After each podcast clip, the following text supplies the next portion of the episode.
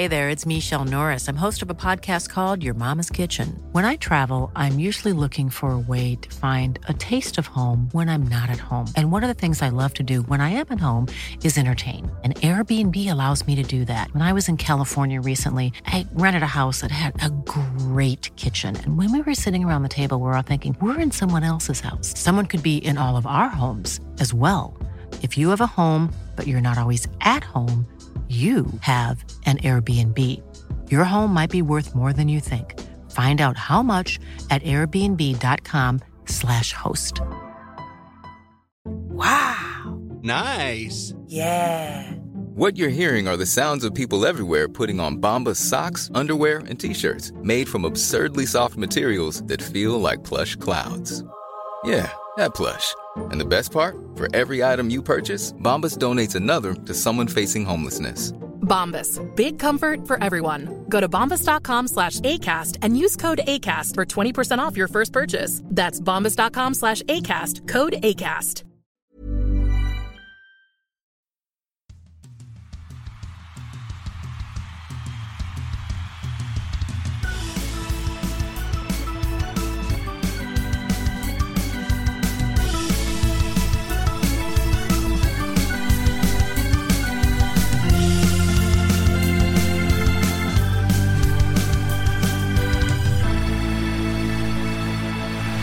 Varmt välkomna ska ni vara till en ny säsong av Rinkside. Vi har eh, ju faktiskt kört lite snett här under sommaren. Vi slängde in något eh, avsnitt här under sommaren på ren feeling som jag inte minns någonting av. Men nu tänkte jag att vi drar igång den här säsongen för att hockeyn börjar ju faktiskt kännas riktigt, riktigt nära. Och vi har som vanligt Fredrik Söderström, Mikael Daggen Eriksson. Vi börjar längst ner i landet med Daggen, utan hår numera! Ja, sparar otroligt mycket pengar. Otroligt Numera. mycket pengar, du vet. Ja men du vet, du vet de sista, de sista hårstråna, man, man köper hårvax, man lägger det rätt, de sista hårstråna är så viktiga för en. Klipper dem, men nu, kör rakningen själv, sambon tar det, underbart under sommaren och inte känner, det jag saknade lite att känna de där sista hårstråna få vind i det, i seglet liksom. Men annars, så, jag trivs i min nya frisyr. Vi ska alla den vägen vandra. Någon gång. Fredrik, vad, vad, många frågor som har kommit in har jag cirkulerat kring. Vad har du lagat och sysslat med i sommar? Mitt eh, privatliv i trädgård och eh, den typen av kategori är intressant har jag förstått. Det finns eh, fog för det också, men eh, jag har inte ställt till med någonting. Det har inte varit några blixtnedslag. Jag har varit trädgårdsmästare. Jag är rabarberkung före midsommar som sen går över på aronia, bär och plommon. Och nu har jag varit så jag har varit så stressad senaste veckorna av att inte vara i hockeyn så att jag har suttit och plockat aronia bär som jag har gått direkt och kastat. Det är, det är som terapi, lyssna på lite ljudbok och sådär. Så att jag, jag, jag behöver hockeyn nu. Ja, jag såg på Twitter här för några veckor sedan, jag såg en, när en björn kommer ut ur ide, jag tänkte på dig då Fredrik, liksom hur du kliver ut och du liksom bara ruskar om och bara, men jag tror att när jag, jag ser dina ögon nu, det är ju mer ett, ett kosläpp som ska ut här. Ja, jag är sugen i alla fall. Det är det viktiga. Vad har ni gjort i sommar då? Nej men det har ju varit pissväder, så det har varit eh, mycket, mycket, eh, ja inne, jag, jag snickrar mycket har jag gjort. Jag älskar att gå ut och snickra och få ordning på saker, vi har ju en, Vad har du för diagnoser egentligen? Ja, Nej, jag Det vet, har ju jag- något hela tiden. det går faktiskt inte att sitta still, jag har problem där. Eh, Men jag, jag gillar då saker, jag har gjort lite hussängar eh, till mina barn, som de ska få bo i, eh, sova i. Hussängar? Ja, det kallas för det. Det var sambo som tog upp och så gjorde jag två Varför stycken får de till inte de här, bo inne hos er då? I huset? Får bo i tält på, på trädgården. Blir Nej, som den här scenen i Step Brothers när de, när de gör uh, våningssäng och så faller de ihop på varandra? Look at all this spa- eh, eh, space for activities. Otrolig scen. Fredrik, vad har du gjort? Jag har haft en väldigt bra sommar. Jag har kategoriserat den maj återhämtning, juni kalas, studenter, midsommarfirande. Bor man i Dalarna så är liksom juni väldigt central. Juli eh, semestrat, lite eh, Spanien. Jag var på Formel 1 i Österrike, vilket var en upplevelse jag som knappt kan tanka en bil. Eh, augusti har varit eh, vänner och bekanta och bara vara hemma och ha det bra. Och nu är jag väldigt hockeysugen, så att jag är nöjd med sommaren. Du då Lars? Jag har ju sprungit och jagat barn hela sommaren, men, eh, men just det, Det där, där temat låter fel, du får berätta tror jag lite mer specifikt. jag har jagat min egen dotter eh, som har eh, haft väldigt mycket energi, var hemma eh, väldigt många veckor från förskolan och eh, vi märkte att stimulera en snart tvååring på två vuxna människor är mycket svårare än när de är på förskola. Så jag har haft idébrist på att hitta på saker och Dagen, här vet jag att du kan relatera men eh, innan du får svara på det måste jag bara säga att jag hade samma som dig, återhämtning i juni och maj och så sen en sommar som eh, den har ju bara smält till så var den slut. Så jag vet som inte riktigt vad jag gjort i sommar ska jag vara helt ärlig. Men det är först typ idag som hockeysuget har kommit för mig. Jag, jag säger så här att eh, det, det har en viss charm att stå och grilla, men jag, jag har faktiskt saknat hockeyn under hela sommaren. Jag har varit 20 på det, men du vet det kommer in lite nyförvärv, man börjar känna det där att det börjar, lagen börjar samlas lite, det kanske är för att jag spelar precis men Men jag, Jag tror att det är den där biologiska eh, hockeyklockan. Men för mig är den första augusti, fram tills dess så är man ju inte allt för Men det var ju för att taggad. ni, ni tränare aldrig var med på fysen. Du sa jag, jag kommer det ska jag gudarna kommer ihåg- veta.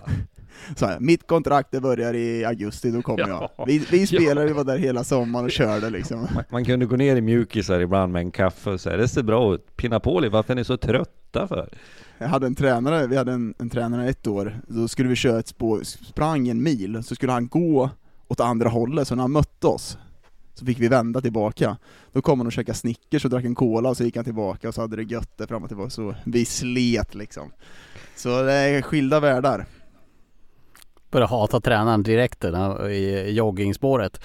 Eh, vi eh, ska ju berätta lite grann vad vi ska göra idag. Men först och främst, vad är känslan inför den hockeyallsvenska säsongen? Jag menar nu, vi spelar in torsdag idag. Det är alltså knappt, eh, drygt två veckor till det att det är premiär, Dagen. Ja men det, jag tycker att det, precis som förra året så har lagen laddat på ordentligt. Jag tycker att vi har ett Brynäs som kommer ner, som ser slagkraftigt ut. Jag tycker, om man ska kolla på serien så tycker jag att vi har, jag tycker fyra lag sticker ut i toppen. Och sen har vi fyra lag till, så det är topp åtta känns som förhandsfavoriter. Sen har vi de här lagen underifrån som slåss lite, men det, det finns potential att man kan hacka upp där och vi vet alltid att det är alltid något lag som liksom hackar ner, något lag som går upp. Så eh, nej men det, det känns eh, på förhand så här hyperintressant, precis som förra året, och det, det är många lag som ser riktigt bra ut.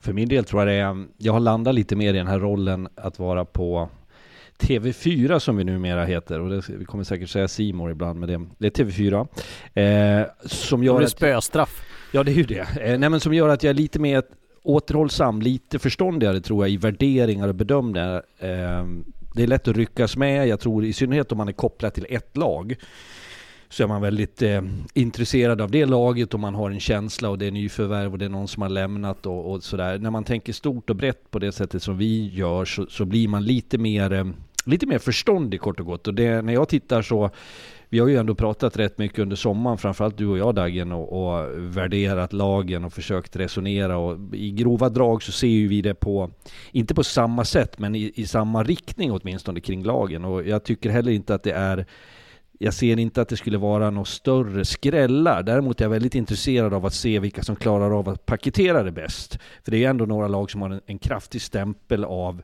topplag på sig, eh, men som också ska få ihop det. Vad tycker du om försäsong egentligen Fredrik?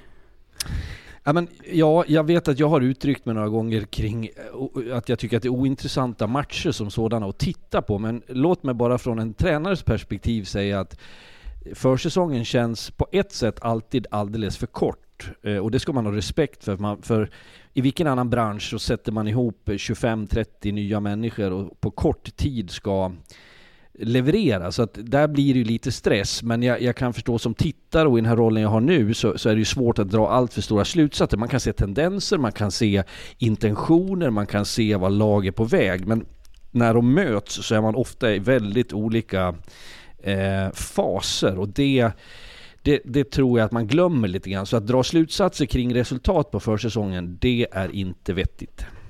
Nej, men det, det är lätt som supporter att man gör det också, man dras med lite, man ser, men jag tror man ser också, om vi pratar om tendenser på nya spelare, finns det någonting där, kan man spela upp ett powerplay, ett boxplay på ett bra sätt, finns det en målvakt som ser bra ut, som glöder lite? Jag tror kollar man på de här lite äldre spelarna jag vet själv de sista åren, det var ju rent ut sagt, Fredrik säger att den är för kort.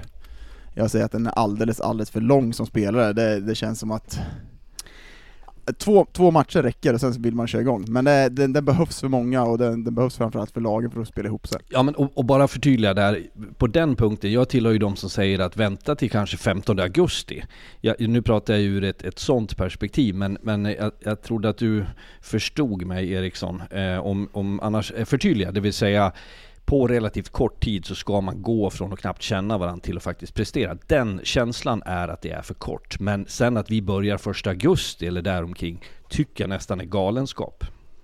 Jag vet att det var en sportchef som drev tesen i fjol om att det borde finnas ett regelverk som sa att man får återsamlas ett visst datum, du får spela tre träningsmatcher, sen kör vi.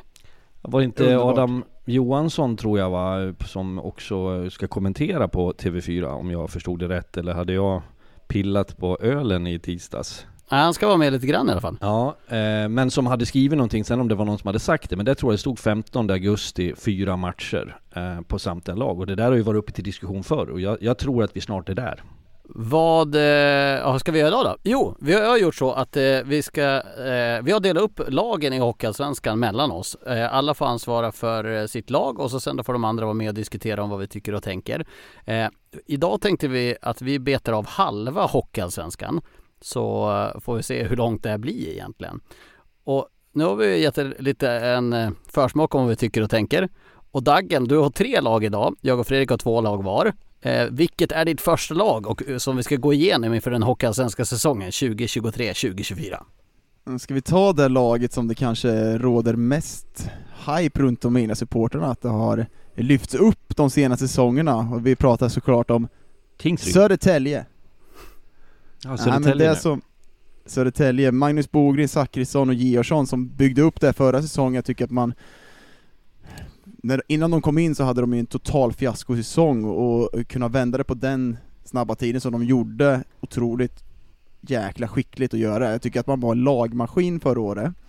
Och det var mycket där man kom långt på, man hade Nikita Tolopil och man hade Ivarsson på backen, man hade Videll som öste på framåt. Det jag tyckte man saknade lite under slutspelet och under grundserien så kanske det fanns den här lilla, lilla spetsen underifrån att kunna bidra i offensiv kraft. Tycker man har tagit in det, man har Dyk, man har Blomstrand, man har många bra spelare som kommer in, man har Turgon. Turgon, jag såg att du skickade lite klipp på hur man uttalar kanske skulle komma på Hockeyallsvenskan också. Den kommer, finns... men den startar en vecka senare vet du. Precis. Nej men det finns, det finns mer offensiv kraft som kunna bidra på den punkterna. Eh, men jag tror dock, det som jag ställer mig lite frågan till för Södertäljes del, är att förra året så var de en lagmaskin. När Dyk, Blomstrand och de var här senast, då var de ett gäng, hårt sagt, men individualister som var riktigt, riktigt skickliga på att spela hockey, men det var ingen lag som satt ihop, och det Bogren, Zachrisson och Georgsson hade förra året, det var en lagmaskin som gick hela vägen. Och lite frågor till om Marcus Eriksson, Dyk, Blomstrand, Köper de tänket, gör de det, då kan det bli riktigt, riktigt bra för Södertälje. För de har ett otroligt slagkraftigt lag, jag tycker man har addera, man tappar Ivarsson på backen, jag tycker man tar in Viktor Gran där som kan explodera den här säsongen, de har tagit in Vete Vainio, de har tagit in Olle Vainio, Vete Vainio har vi ju sett på försäsongen, han kanske inte spelar någonting, han har haft problem. Exakt, så jag tycker generellt sett på Södertälje så ser det otroligt bra ut. Jag tror man kan bli bättre än förra säsongen, och jag tycker man adderar det som man har saknat lite, men det är fortfarande frågor till om de här offensiva spelarna liksom ställer sig in på vad Bogen och Zachrisson har gjort under det här förra säsongen. Jag har eh, mina funderingar kring Södertälje eh, och så här, frågetecken och det, målvaktssidan är en sak. Nu ska vi ju, det är svårt att värdera Eh, eftersom vi har sett för lite såklart och i skarpt läge. Eh, Tolopilo var ju stundtals överjävligt bra eh, för Södertälje. Eh, det skiftet blir ju intressant att se. Eh, jag tänker också på backsidan som du berör lite grann, att den förändras och det, det Lang försvann, Ivarsson försvann, eh, Ludvig Jansson eh, försvann, försvann. Så den, den korrigeras ju och, och, det blir ju aldrig detsamma, det, så är det ju naturligt på något vis. Men då, då, är jag lite grann vid det där du pratar om lagmaskin. Jag säger också att det var det laget som spelade den mest, eh, på något sätt, kompakta hockeyn. Det var många tränare i de andra lagen förra året som Vissa med, med respekt, andra med lite frustration pratade om att det var ett pösgäng som spelade defensiv hockey. Men det var ju en framgång för Södertälje. Sen tror jag också att det fanns en koppling till att deras elände under några år eh, gjorde att de var tvungna att strikta upp det. Och då kommer jag återigen från en tränares tankar att se, orkar man vara lika konsekventa ett år till? Orkar man prioritera rätt saker? Och, och det du säger Dagen, de här spelarna som nu har kommit in, klarar de av att då anpassa sig till det här? Att, att man kanske har ett defense first-tänk? Eller blir det, frångår man det där lite grann nu? Det, det är jag nyfiken att se. För det var ju det som var Södertäljes framgång förra säsongen, jag tycker att man byggde hela den säsongen liksom, just den här slagkraftiga defensiven, de hade Nikita Tolopila, Thomas Scholl där, jag, jag har ju en, jag har ju, eh, vad ska man säga, i Karlskoga har vi värvat några målvakter som kommer med liknande stats i, från liknande ligor som har varit riktigt, riktigt bra i Karlskoga. Så jag tror ju att Thomas Scholl ska kunna vara den målvakt som Södertälje vill att han ska vara. Sen har man tagit in Klas Endre, tycker jag ändå att det är ganska smart. Det kanske var sista chansen för honom i Hockeyallsvenskan, han har haft lite problem, men ändå en stabil, man vet vad man får av honom, han kan ändå få lite lyft, han kommer stå mycket, mycket mindre än, än Scholl kommer göra, men jag tror ändå på att Scholl kan vara den målvakten. Jag tycker att under försäsongen nu så har han sett helt okej okay ut, så träffar de rätt på den, vi pratar också om eh, Olle Vainio, Gran, det finns bra backar i den här som ska kunna ta vid. Två tankar till hade jag på Södertälje. Det ena är, det är seriens äldsta lag. Eh, och av det kan man se det på två sätt. Att ett, ett lite äldre lag har eh, erfarenhet, de har omdöme, de har eh, förståelse för vad det här innebär. Vill man vända det mot dem så kan man säga blir det en trötthet. Nu är det klart att Videll och, och Marcus Eriksson tillsammans är ju, har ju passerat pensionsåldern så att säga, så det, det sticker väl iväg. Men, men det var en sån fundering. Den andra är ju också Södertäljes självbild. Ehm, jag, eh, på gatan utanför mig här förra veckan så kom det en kar och gick med hunden som började prata hockey med mig. Eh, och, och den eh, eh karln började säga, ja men jag är SSK, vad tror du? Eh, och så var han, det var gemytligt samtal och en, en, klok person, men jag hörde också på att han hade ju fått smak på framgång nu. Och backar vi ett år så var det djupt oroligt i, i Södertälje Eh, är det här en självbild, kanske inte från laget, men från omgivningen? Hur ska man hantera de här förväntningarna nu och förhoppningarna på att nu är man ett givet topplag? Kommer det att störa eller kommer det att lyfta? Det kommer vara en helt annan press på dem. Men om man, om man kollar på hur man kan sätta ihop laget, eh, du Fredrik, liksom det man dreglar ju lite på de två första kedjorna, du kollar liksom Dyk, Videll, då Engsund som kan komplettera där, då Marcus Eriksson, då Blomstrand, Viktor Liljegren, alltså det finns otroligt mycket spets i det här laget och framförallt så tycker jag att man har forwardsidan ser mycket mer komplett ut i år än vad den gjorde. Sen gillar jag en, en, eh, man adderar William Bio där, eh, lite längre ner i laget, men kan, kan verkligen ta en defensiv roll och göra det riktigt, riktigt bra. Jag har en fråga gällande centersidan. Jag menar de har ju inte kanske de mest offensiva centrarna i, i ligan. Jag menar du har Engsund, du har eh, lagkapten Liljevall och som jag får höra enligt eh, Dominic Turgeron så är det lite mer en tvåvägscenter. Behöver man ha den där spjutspetsen till offensiv center i laget eller kan de ha den här lite mer balanserade centersidan för att man har så bra ytterforwards? Men det, det, var ju så de byggde det förra året. Det var ju ungefär samma uppsättning då, då gjorde de det bra. Jag tror man vill ha den typen av centrar också, som kan jobba i båda riktningarna. Så Sen har man ju som du säger, det är otrolig spets på ytterforwardspositionerna, så jag tror man vill ha en två, tvåvägscenter som jobbar i alla kedjor. Topp fyra, eller hur högt upp placerar ni Södertälje? Jag har det. Jag har dem som nummer tre. Och jag... Trea i ligan? Trea, trea säger du Dagen, jag har dem på yes. plats fyra. Poängkung Widell?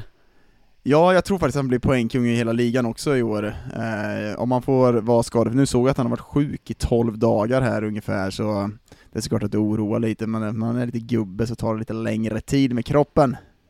Jag hade ett intressant samtal med Linus Widell på scenkvällen efter en hockeygalan i Göteborg eh, som fick mig att, eh, inte för att jag var tveksam till hans fortsättning eller så, men det stärktes bilden av att det där är en väldigt eh, driven person trots sin i sammanhanget relativt höga ålder.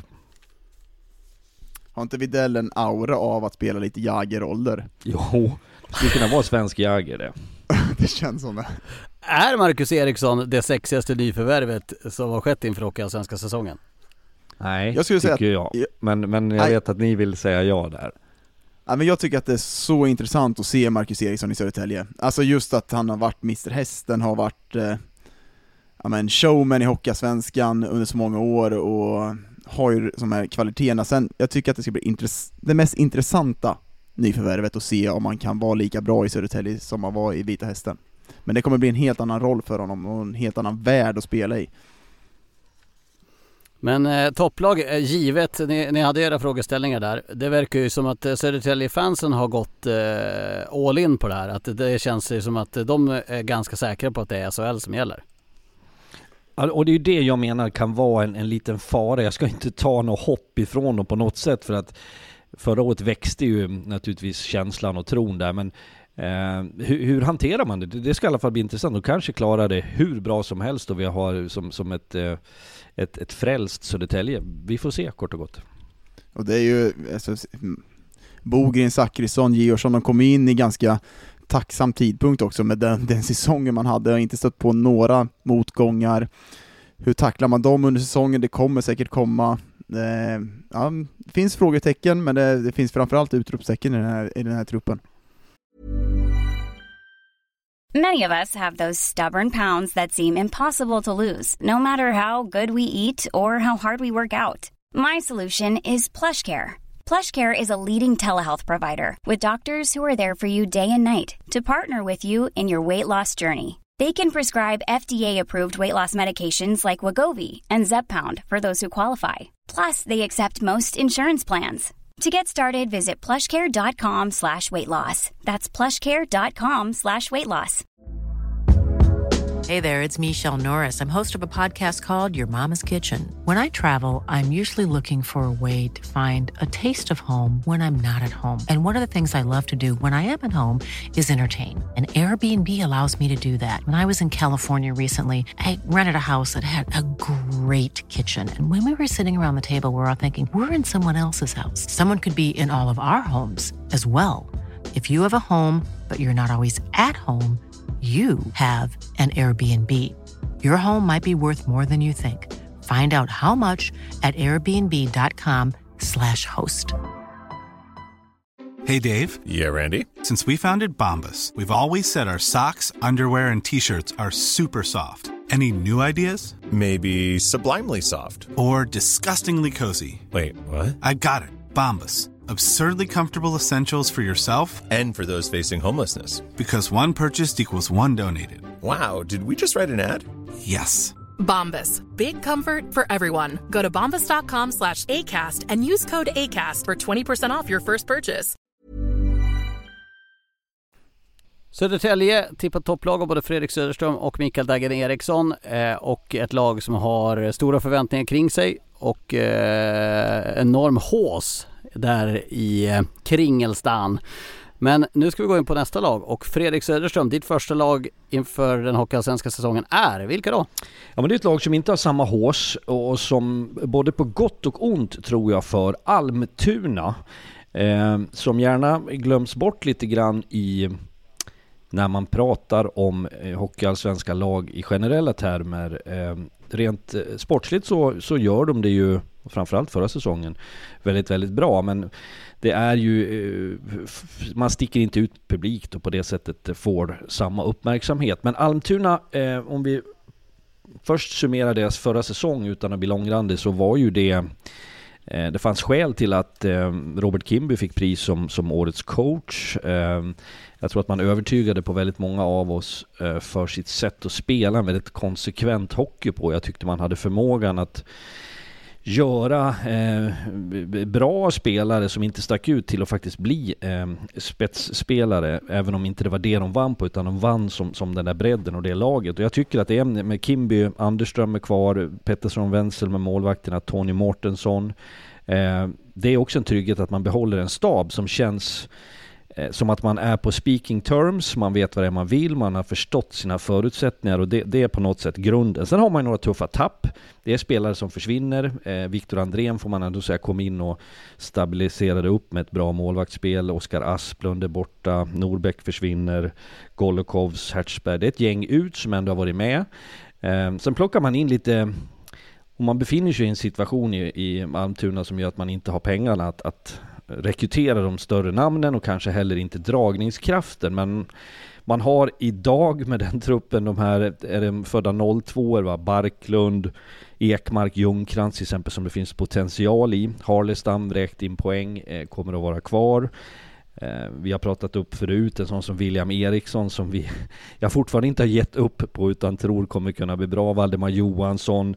Eh, man plockar in Kalle Eriksson, son för övrigt till Örebro sportchef Niklas Eriksson som har varit i Nordamerika under många år och läst och spelat. Jag tycker att man har ett intressant material. Eh, det jag kan fundera lite grann över om man tittar framåt för dem, det är på något sätt är nyhetens behag eller den, den respekten som inte riktigt fanns från andra lag tyckte jag förra säsongen. Eh, har den istället fött en vakenhet att man nu parerar Almtuna lite mer, att man försöker läsa deras spel, plocka bort lite tankar och idéer. Eh, å andra sidan så finns det kvar, jag tycker att det här är lite intressant, en, en, en tränare i ligan förra säsongen som, hade, eh, som, som sa vid en diskussion med mig att när, man är, eh, när, när Almtuna spelar, de kan kliva ut och ha en första period som är katastrofal spelmässigt. För att sen komma in i paus, förmodligen vi förbannade på varann, komma ut och förändra matchbilden. Det är inte så dramatiskt, det är sällan väldigt mycket folk i arenan där. Det blir inte så pressande att spela. Det är ganska avslappnade spelare i Almtuna. Att det är en gynnsam förutsättning för dem på hemmaplan. Och jag, jag tror att man ska ta med det i beaktan. De, de, får inte de största rubrikerna och det där mm, ställer till det lite grann. Vi pratade om Södertälje som faktiskt var äldst i ligan. Almtuna är yngst i ligan. Säg lite grann om att det finns en potential. Så frågan är, kan man fortsätta överraska? Vad händer och sker runt omkring i den klubben? Det har ju varit lite stökigt när det handlat om det ekonomiska till exempel. Och min frågeställning är, kan kan de knacka på och, och faktiskt vara ett topp 8-lag. Jag har dem inte där just nu. Jag säger direkt att jag har satt dem som lag nummer 9. Men eh, jag såg tendenser i det spelmässiga och jag tycker att det var en underhållande hockey. Jag tycker det var en driven hockey. Jag tyckte att spelarna blev bättre av det. Jörgen Hanneborg in i mål. Jag tycker det är ett så här busschaufförskompatibelt namn förresten. Vem är det som kör idag? Det är Jörgen, ja, Jörgen Hanneborg. Ja, fan han är skön. Eh, nu ska han vara bra i mål. Eh, och eh, de här namnen vi pratar om som ramlar in, eh, hur mycket kan de bidra med? Hur bra är de? För mig är Almtuna ett gediget hockeylag och de har skapat en identitet med hjälp av Kimby. Där har ni min summering av det Almtuna jag ser för 23-24. Ja, men jag, jag, jag, håller med mycket och eh, jag, största såklart, alltså Viktor Andrén till Djurgården, supertapp. Han var ju enorm i Almtuna förra året lite så i skymundan Oliver Håkansson ändå, låter också som en Håkansson är ju också en busschaufför egentligen. Det är ju två busschaufförer som kör. De kör liksom bussen. Delad men liksom, ramlar in på 91% helt okej, okay. liksom Handeborg har mer att bevisa, vad han visade upp i Kristianstad förra säsongen. Där tror jag det kommer bli skillnad för dem också, i hur man spelar, hur försvarsspelet kommer se ut, hur, hur mycket lugn Viktor Andrén gjorde för det här liksom, laget när han stod i mål. Och, spred verkligen en, en stabilitet över hela Almtuna. Så målvaktssidan sätter jag som ett väldigt stort frågetecken på, på Almtuna, om de ska kunna hålla den höga nivån som Andrén och Håkansson gjorde förra året. Men sen tycker jag backsidan ser ungefär likadan ut, jag tycker att det finns mycket namn som du säger, Kalle Eriksson kommer in där. Sen gillar jag ju den här forwardsidan, jag tycker att det finns enormt mycket potential i den. Eh, men framförallt backsidan som är i princip komplett från förra året, men han adderade några namn. Det var, jag tyckte man byggde spelet nerifrån också, kom en jäkla bra fart.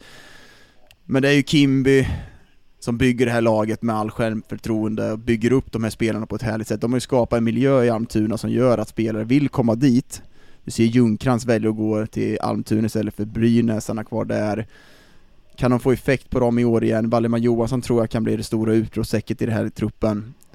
Jag har dem faktiskt också som nia, Almtuna, och jag tror att Kimby eh, kommer bygga vidare på det här han gjorde förra året, och det känns som att det finns jag tror mycket på det du säger också, just att det är inte så många som bryr sig i Almtuna just runt laget, man kan slappna av på ett helt annat sätt, och framförallt tror jag Kimby och den här eh, Mårtensson runt omkring, de bygger liksom en miljö där de kan utvecklas i, i lugn och ro.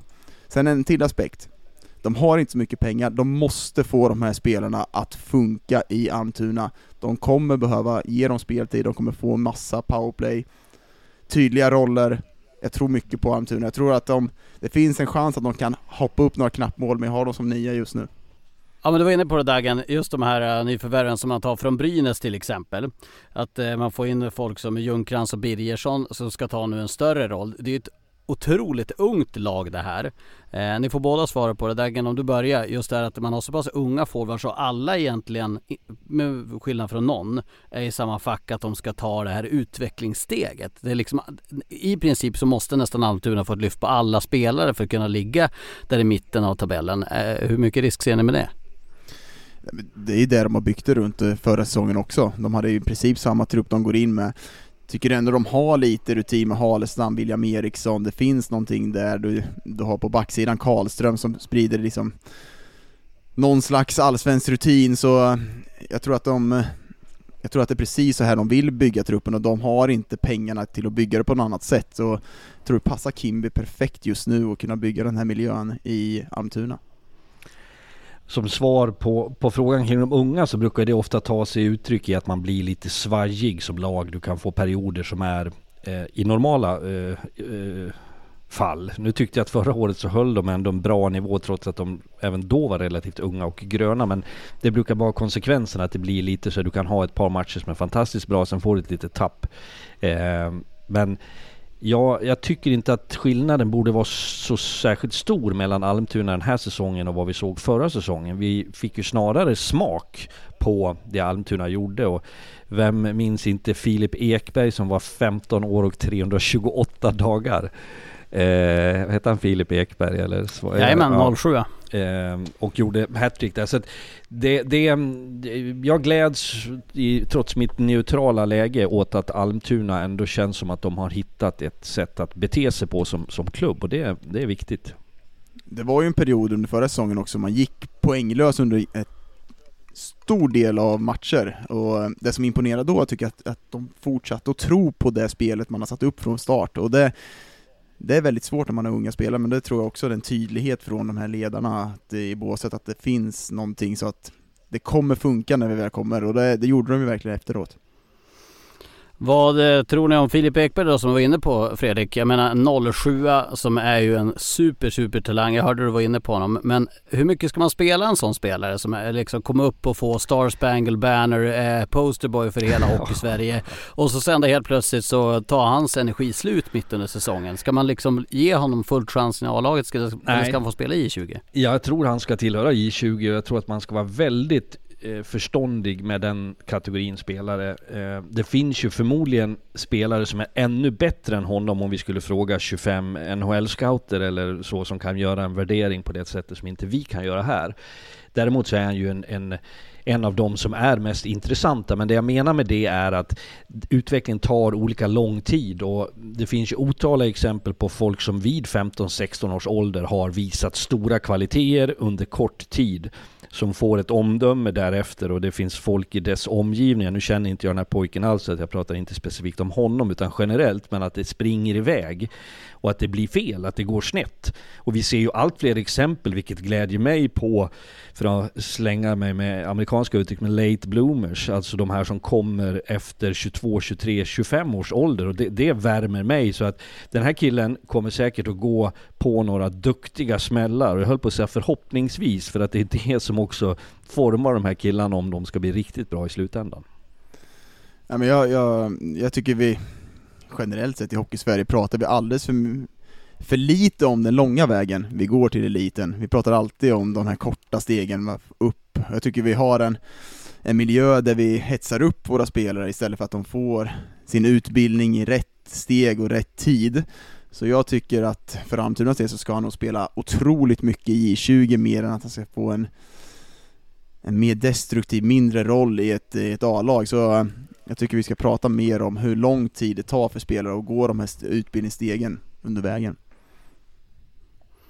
Ni ska få en till sån här lite halvjobbig och eh, märklig fråga. För eh, Karl Vasenius har ju varit poängkung i Hockeyettan. Han har gjort 53 poäng två säsonger i rad. Tycker jag för övrigt är hur kul som helst att han gör exakt lika många poäng. 53 poäng på 35 poäng, är, eh, på 35 matcher, det är ju faktiskt ganska imponerande. Nästan exakt samma mål och assist också.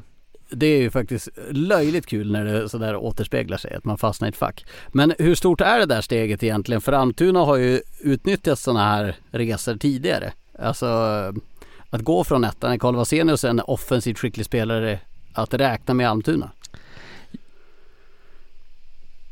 Ja, men jag, jag tror att det, det är större steg, om man kollar på vilken roll man har, så tror jag att det är lättare att komma in i Hockeyallsvenskan om man har en destruktiv roll, man, spelar mycket boxplay, man har en fjärde kedja position.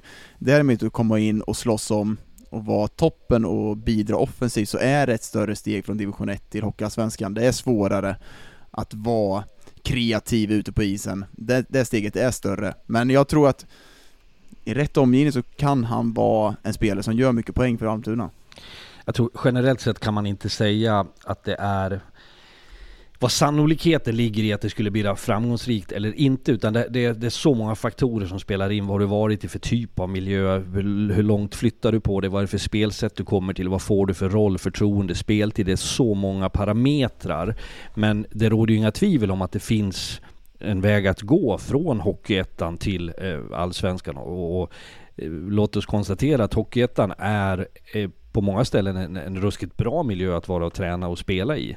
Eh, där du faktiskt kan förbereda dig för Hockeyallsvenskan. Så det finns ju generellt i alla lag vi ser, i stort sett alla lag åtminstone, som, som tittar mot Hockeyettan. Och en del tvingas ju plocka därifrån av helt enkelt ekonomiska skäl. Då får man se vad det landar i. Vad tror vi om eh, tabellplaceringen då Dagen? Du, eh, av, du avslöjade, nej Fredrik, du avslöjade ganska tidigt vad du hade dem ungefär, men vad tror Dagen?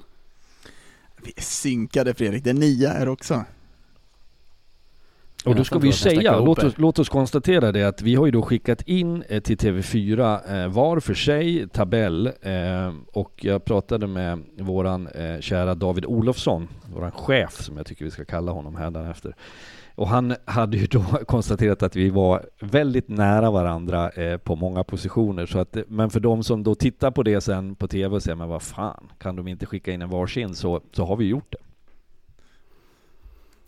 Vem eh, håller ni ögonen på den här säsongen? Dra en spelare som ni tänker att det här kommer att bli en som sticker ut, en som gör en jätteutväxling eller poängkung. Ni får formulera det som ni vill.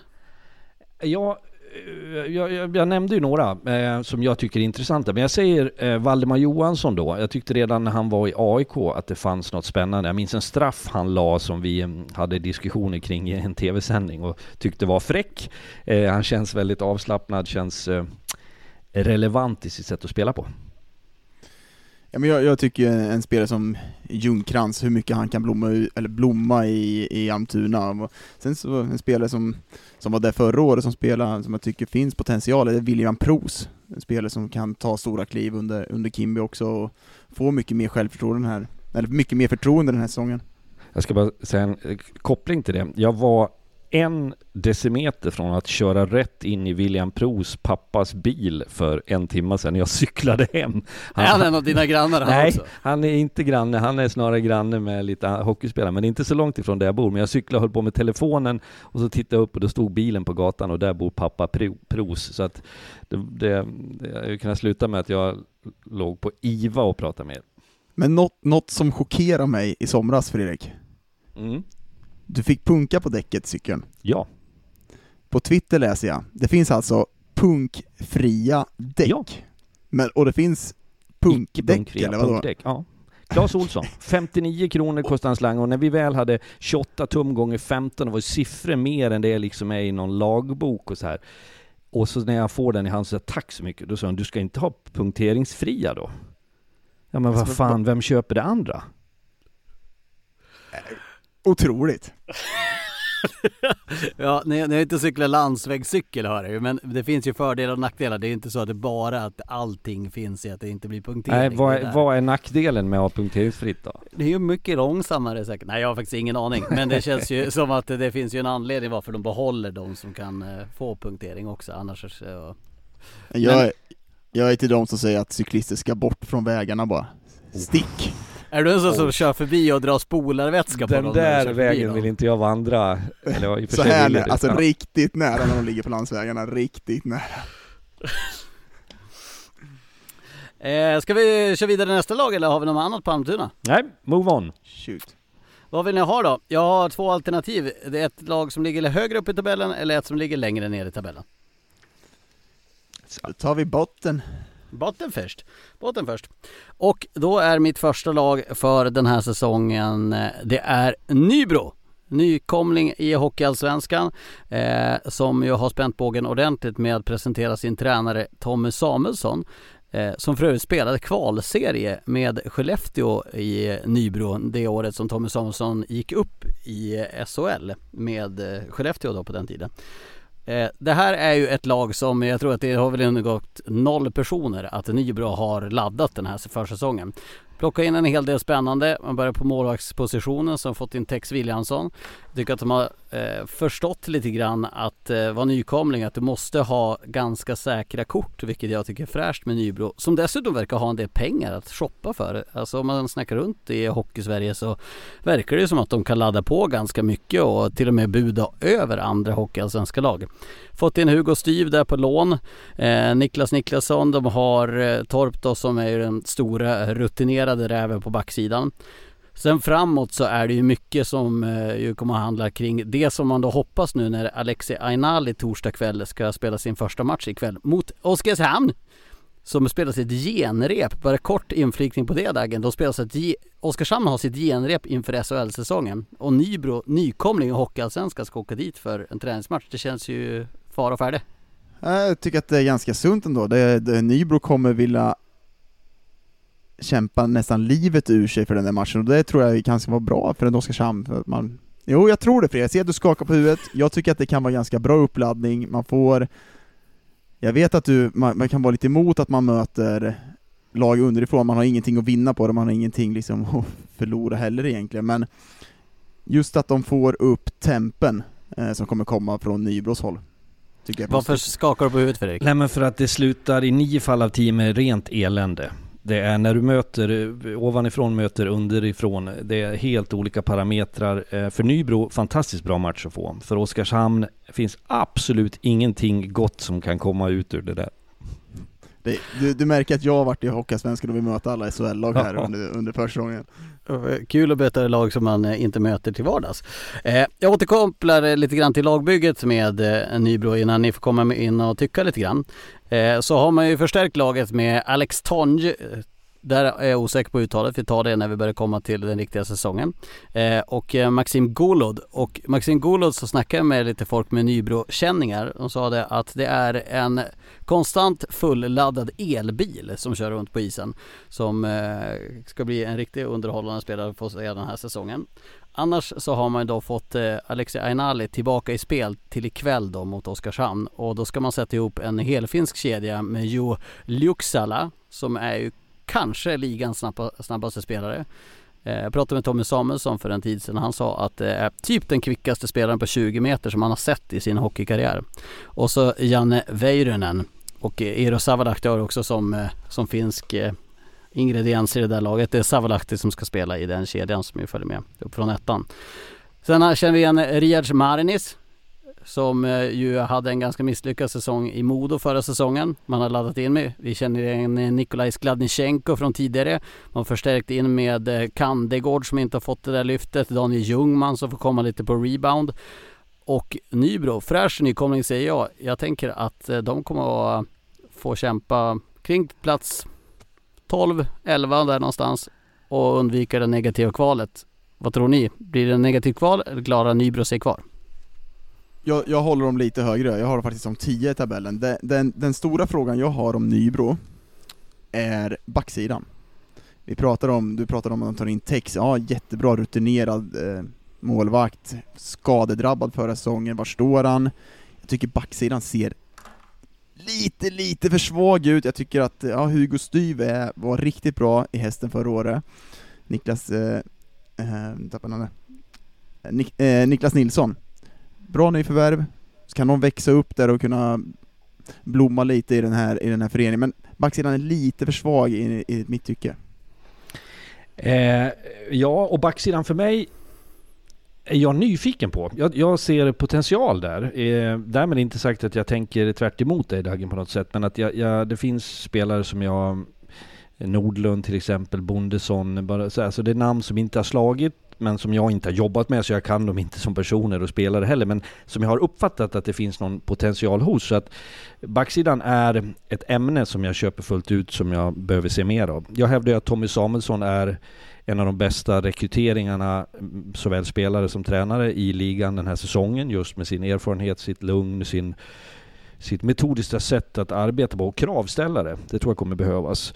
Eh, Jesper Kandegård nämnde ni. Jag tyckte han var bra i Leksand när han fick spela. Jag tror att det, där finns det en, en uppsida som ska bli väldigt intressant att se i en hockeyallsvensk miljö.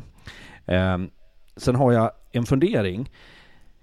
Det har ju byggts en jag vet inte om jag är den gråa eh, farbrorn här som, som tänker på det, det perspektivet som jag gjorde även på Södertälje, men, men i Nybro har man, har man fått Eh, för stor tro på det här. Man har snickrat ihop något väldigt intressant och spännande.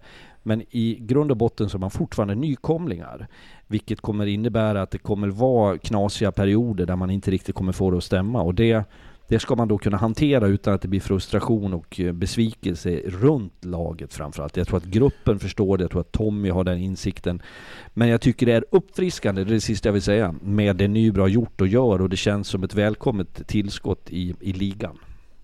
Ja, otroligt, otroligt härligt att få upp den. Det är ju slutsålt, varenda biljett de slä släpper är ju liksom, det är lapp och lucka, det kommer vara fullt hela säsongen.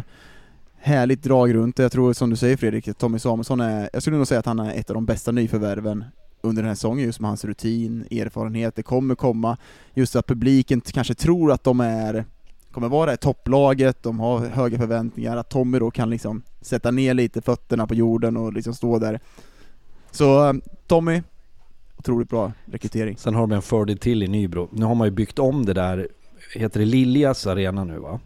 Är det bilfirma va? Eller yes. något annat, ja, bilfirma.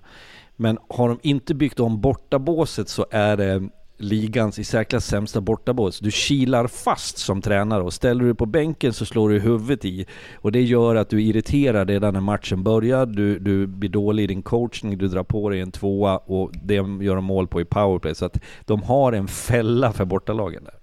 Jag, döm, jag dömde också i, i Nybro förra året, jag dömde derbyt Nybro-Kalmar.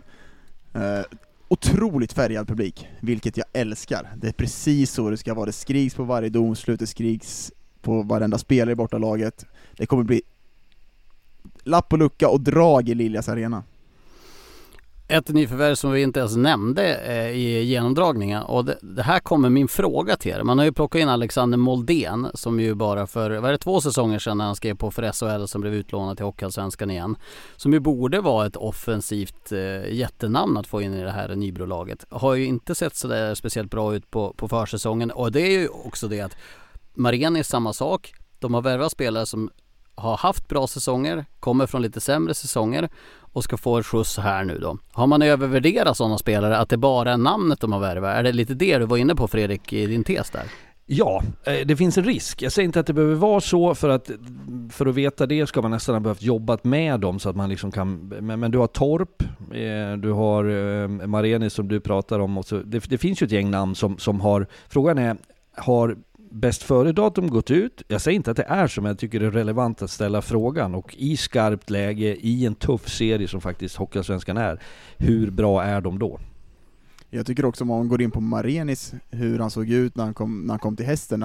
Liksom det flytet i skridskoåkningen, tog pucken, drev igenom, bidrog offensivt. Ser inte riktigt samma driv som han hade då när han var i hästen inte man har tappat lite med självförtroendet, kan han få tillbaka Han hade det? en knäskada förra säsongen har jag fått höra, så att det var, han hade känningar Ja, och det ser nästan ut som att han har någonting, det ser inte ut som att det är samma rapphet liksom i han, så Vad jag förstod så slog han i knät när han åkte skoten där från Kiruna ner till Norrköping som vi har pratat om så många gånger. Ja, då delay på ett halvår på skadan bara, att det, det tog ett tag innan han började känna smärtan.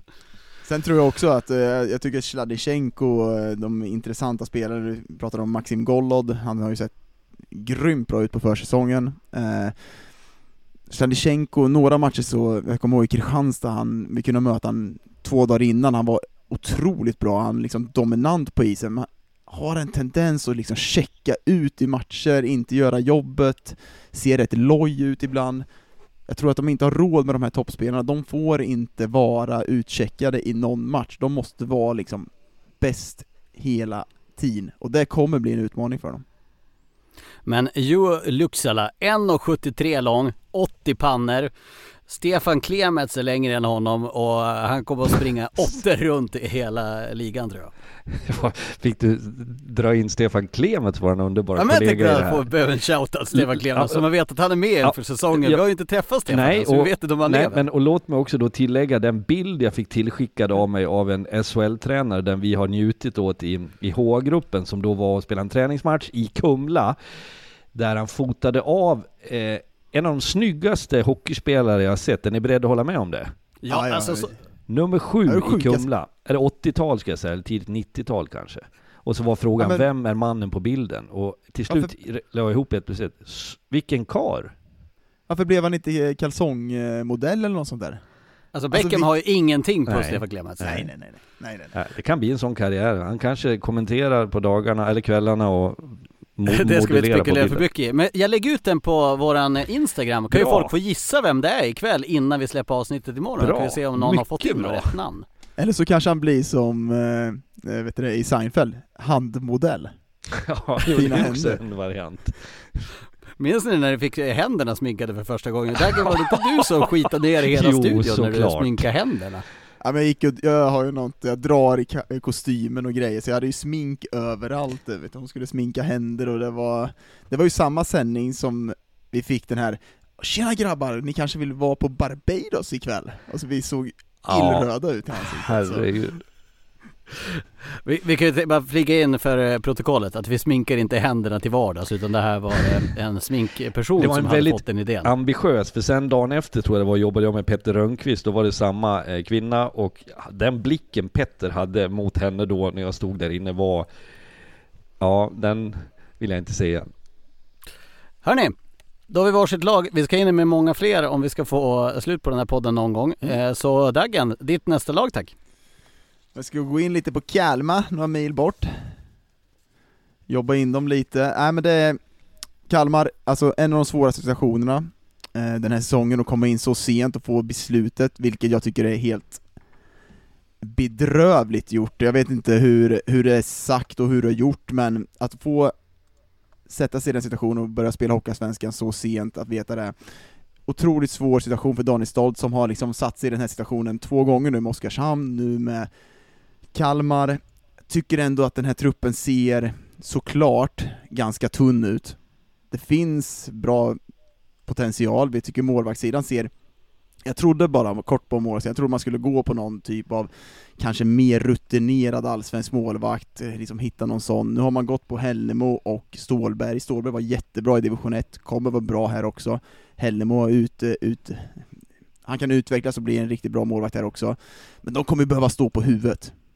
För den här truppen är alldeles för tunn för Hockeyallsvenskan. Jag skulle säga att det är en bra division 1, topp, topplag i division 1, men de har haft för kort tid på att bygga den här truppen.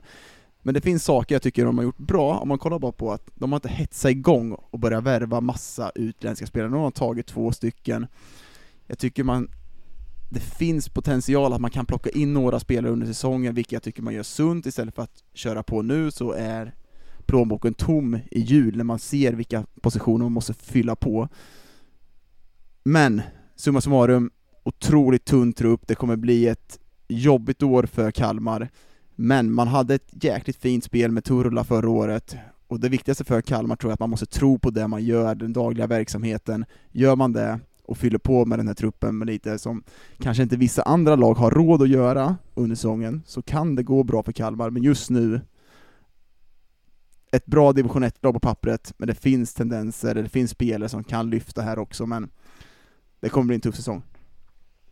Det är ju en, en eh, eh, jag ska inte kalla det mardröm, för det är en dröm för Kalmar naturligtvis att, att få spela Hockeyallsvenskan. Men, men själva tillvägagångssättet, besvikelsen när man inte klarar av det i, i, av sig självt så att säga under våren och sen det här fördröjda beskedet. Men faktum är att de är där, de har tackat ja till det, så de får ju inte tänka att det skulle vara en massa eh, saker som inte är bra med det här. De har gett sig in i det och då får de också hantera det på bästa sätt. Men du är ju helt rätt ute. Det är klart att förutsättningarna är är tuffa, omständigheterna är svåra, men de är där. Det handlar om att överträffa sig själva. Man måste få full effekt på de här tänkta spelarna som ska leverera, som man har plockat in utifrån. Jag tror att det blir väldigt viktigt med tålamod för Kalmar, att man förstår sin situation. Eh, och att man också vågar agera under säsongen. För där kommer det, det kommer ligga i, i knät på den sportsliga ledningen väldigt mycket. Att, jag tänker förändringar i, i, i spelartruppen och, och eh, runt spelet. Hur tänker vi? Vad behövs göras för att man ska kunna överleva? För det här handlar om att överleva en säsong. Så jag tror inte att man behöver vara en strykpåse. För det finns en, en uppsida i Kalmar. Jag bodde eh, många år i Oskarshamn och, och då var Kalmar på en lägre nivå. Man fick nya arenan, det har blivit ett väldigt drag, det har blivit eh, populärt med hockeyn där. Så att man har ju fått en knuff framåt och det, det gynnar ju också laget naturligtvis, att man känner det. Sen är det ju så när man tittar på deras spelschema eh, så såg jag att de, de börjar med ett derby i Västervik. Eh, som säkert är kittlande och som är derby, det, vad kan det vara, 15 mil knappt. Men, men eh, det, det är ändå i, i Småland. Eh, därefter så har man sex av nio första matcherna hemma. Eh, vilket också kan vara gynnsamt i det här läget att man får liksom knäppa de här lagen på, på... För Kalmar ligger bakom arslet om du kommer norrifrån. Det, det är stökigt med, med flygmöjligheter. Det är och så som väg. tack för det hela så ställer SAS in sina flyg till Kalmar inför den här säsongen ja. också. Eh, så då ska du bussa den där E22. Det är ju det som delvis har tagit Oskarshamn till SHL, att de ligger där de ligger. Så det, det, det, kan säkert vara. Men sen, sen tänker jag också, ett namn som slog mig, eh, och det här har någon sagt, eller jag har läst det någonstans, så jag tar inte åt mig äran av den tanken på en spelare, men Alex Hutchins har väl inte signat något. Den typen av spelare skulle jag vilja att, att Kalmar hade. Någon som gjorde det extra besvärligt att vara i Kalmar, möta dem och som vill åka iväg till bortaplan i Östersund, i Umeå, eh, i Västerås och vara en allmänt jobbig jävel. Sen att jag håller på som Wikegård nu, jag blir så när jag eldar upp med, med, med handen. Men alltså att det, det, finns en... Det ska vara plågsamt att möta Kalmar. Är vi inte lika bra så ska vi åtminstone kunna jävlas med dem. Det, det, det, håller jag med om. Jag tycker även en spelare som Djurgården förra året, Fredrik Forsberg, ska kunna adderas i den här truppen. Det finns spelare som man kan plocka in, men det finns också bra spelare. Jag dömde dem ju ganska nära förra året. Jag tycker att det finns, Jesper Selin är jag väldigt svag för, liksom har offensiva kvaliteter, men också riktig finne i röven, alltså hela tiden, ligger på, jobbar hårt, så det finns, Adam Hirsch var utlånad lite till Hockeyallsvenskan förra året, hur bra är AJ Van der Beek? Bra namn. Otroligt namn. Bra namn. Så det är såklart att det finns bra spelare i den här truppen, och det, några av dem hade kanske spelat allsvensk hockey om inte nu Kalmar tog det här kontraktet, men det är, det, är en, det är en tunn trupp och jag tror att minst 6-7 spelare in här för att de ska kunna klara kontraktet. Fredrik eh, Dagen var inne på det i början och du tog det lite kort men alltså hur kan det få gå till så här att man ska få ett hockeyallsvenskt kontrakt i mitten på juli? Nej men det är, det är ju ett underbetyg åt um, jag ska inte säga systemet men för det finns ju fördelar naturligtvis i att vi försöker ha en, en eh, en kontroll av hur klubbarna mår. Eh, men, men det måste ju kunna ske med andra intervaller rent tidsmässigt och att det ger ett lite löjets skimmer över det hela och förbannat olyckligt för det laget som då eh, Tänk att, gå, tänk att säga nej. Det hade väl varit modigt men det hade ju också varit, det kanske är den chansen de har. Eh, och det, jag förstår att man, man tar den och att man ser det som en utmaning men det är ju, nej, absolut inte bra för sporten som sådan. Nej, och sen tappar de ju sin poängkung Viktor Kruse Ryberg som har varit dominant i division 1, gjort mycket poäng. Men jag vill bara kort här, jag ser att det är mycket som skrivs att, uh, synd att han inte var kvar. Jag tror för Kalmars del, och för Krus del också, så tror jag att det är bättre att han spelar i, Kal eh, i Karlskrona den här säsongen, för jag tror att skulle han vara ledare i det här laget så är han inte tillräckligt bra för att vara där. Jag tror man måste addera den typen av spelare och vara, och han hade kanske fått en mindre roll i det här Kalmar, så Mm, det var såklart att det var tufft för Kalmar att tappa honom, men jag tror ändå om man kollar tillbaka sen på säsongen så tror jag att det var kanske eh, det rätta beslutet. Jag luktar mig till här att ni har tippat eh, Kalmar kanske till och med i botten. Jag har dem på 14 plats. Stämmer, jag med. Och med det sagt så tycker jag att vi avrundar Kalmar. Vi ska försöka att inte bli eh, superlånga på allting när vi inte har så mycket att addera. Fredrik har sitt nästa lag och eh, sitt eh, sista för dagen. Ja, och då reser jag 5-6 mil norrut från där jag sitter just nu och kommer då till Mora som eh, inför säsongen 23-24 står inför ordentliga eh, förändringar kort och gott. Eh, och det handlar ju dels om det faktum att ledande eh, personer i klubben. Ehm, dels då Johan Hedberg och Örjan Lindmark, eh, tränarna. Eh, Peter Iversen, målvaktstränare som ska till Frölunda. Peter Hermodsson som har varit ehm, direktör där under många år. Försvunnit ut ur klubben och ehm, det i sig har ju naturligtvis en stor påverkan och är någonting som ska bli väldigt intressant att följa upp. Där man får en ny tränarstab i Daniel Hermansson, Fabian Gunnarsson, Thomas Skogs, tror han heter Karl Malmqvist, målvaktstränaren. Ehm, det är eh, folk som jag hör gott om och som jag tror har kapacitet men som ska kastas in i en, en tuff liga med kravbild och följa upp den tredje placering tror jag det blev va? Som Mora faktiskt hade efter förra säsongen. Man skeppar iväg inte mindre än sex spelare till SHL vilket säger mig en del om miljön som har varit i Mora de senaste åren. Året före det så är det också ett par stycken till SHL så att uppenbarligen så så har man jobbat rätt, spelarna har vuxit och utvecklats eh, och uppnått rätt höjder. Fördelen med det är att man då också får ett gott rykte kring så att man därmed också kan rekrytera. Det är lättare att, att plocka in folk. Eh, relativt ungt gäng har man ju. Man får behålla Persson, Ljunggren, Måns Karlsson som, som ändå har stuckit ut som leverantörer av poäng, tro, tro, trogna sådana eh, och som jag tycker har varit bra. Sen kan jag ställa mig frågan, var de bäst i skarpt läge i en kvartsfinal mot Modo? Nej, eh, förlåt, eh, i semifinal mot Modo? Nej, det var de inte. Var det Modo som var för bra? Modo går ändå upp, det där kan vi diskutera, men, men jag är inte helt såld på att de var som bäst när det gällde som mest. Eh, däremot under serien har, har det liksom varit intressant och leverant på, på, på, på de positionerna. Jag var och såg Mora en träningsmatch här nyligen mot eh, norska Storhamar. Eh, jag tycker det är svårt att dra slutsatser av det då. Det en som såg eh, fräsch ut då var Filip Schultz, dansk som har tagit från Esbjerg. Jag tyckte jag gjorde ett visst intryck. Jakob Stöffling, en ung back som har, vad jag förstod, eh, var ju i Kalmar och ehm, skulle ju vara kvar om de gick upp. Nu gick de inte upp, eh, då gick han till Mora, sen går Kalmar upp i alla fall.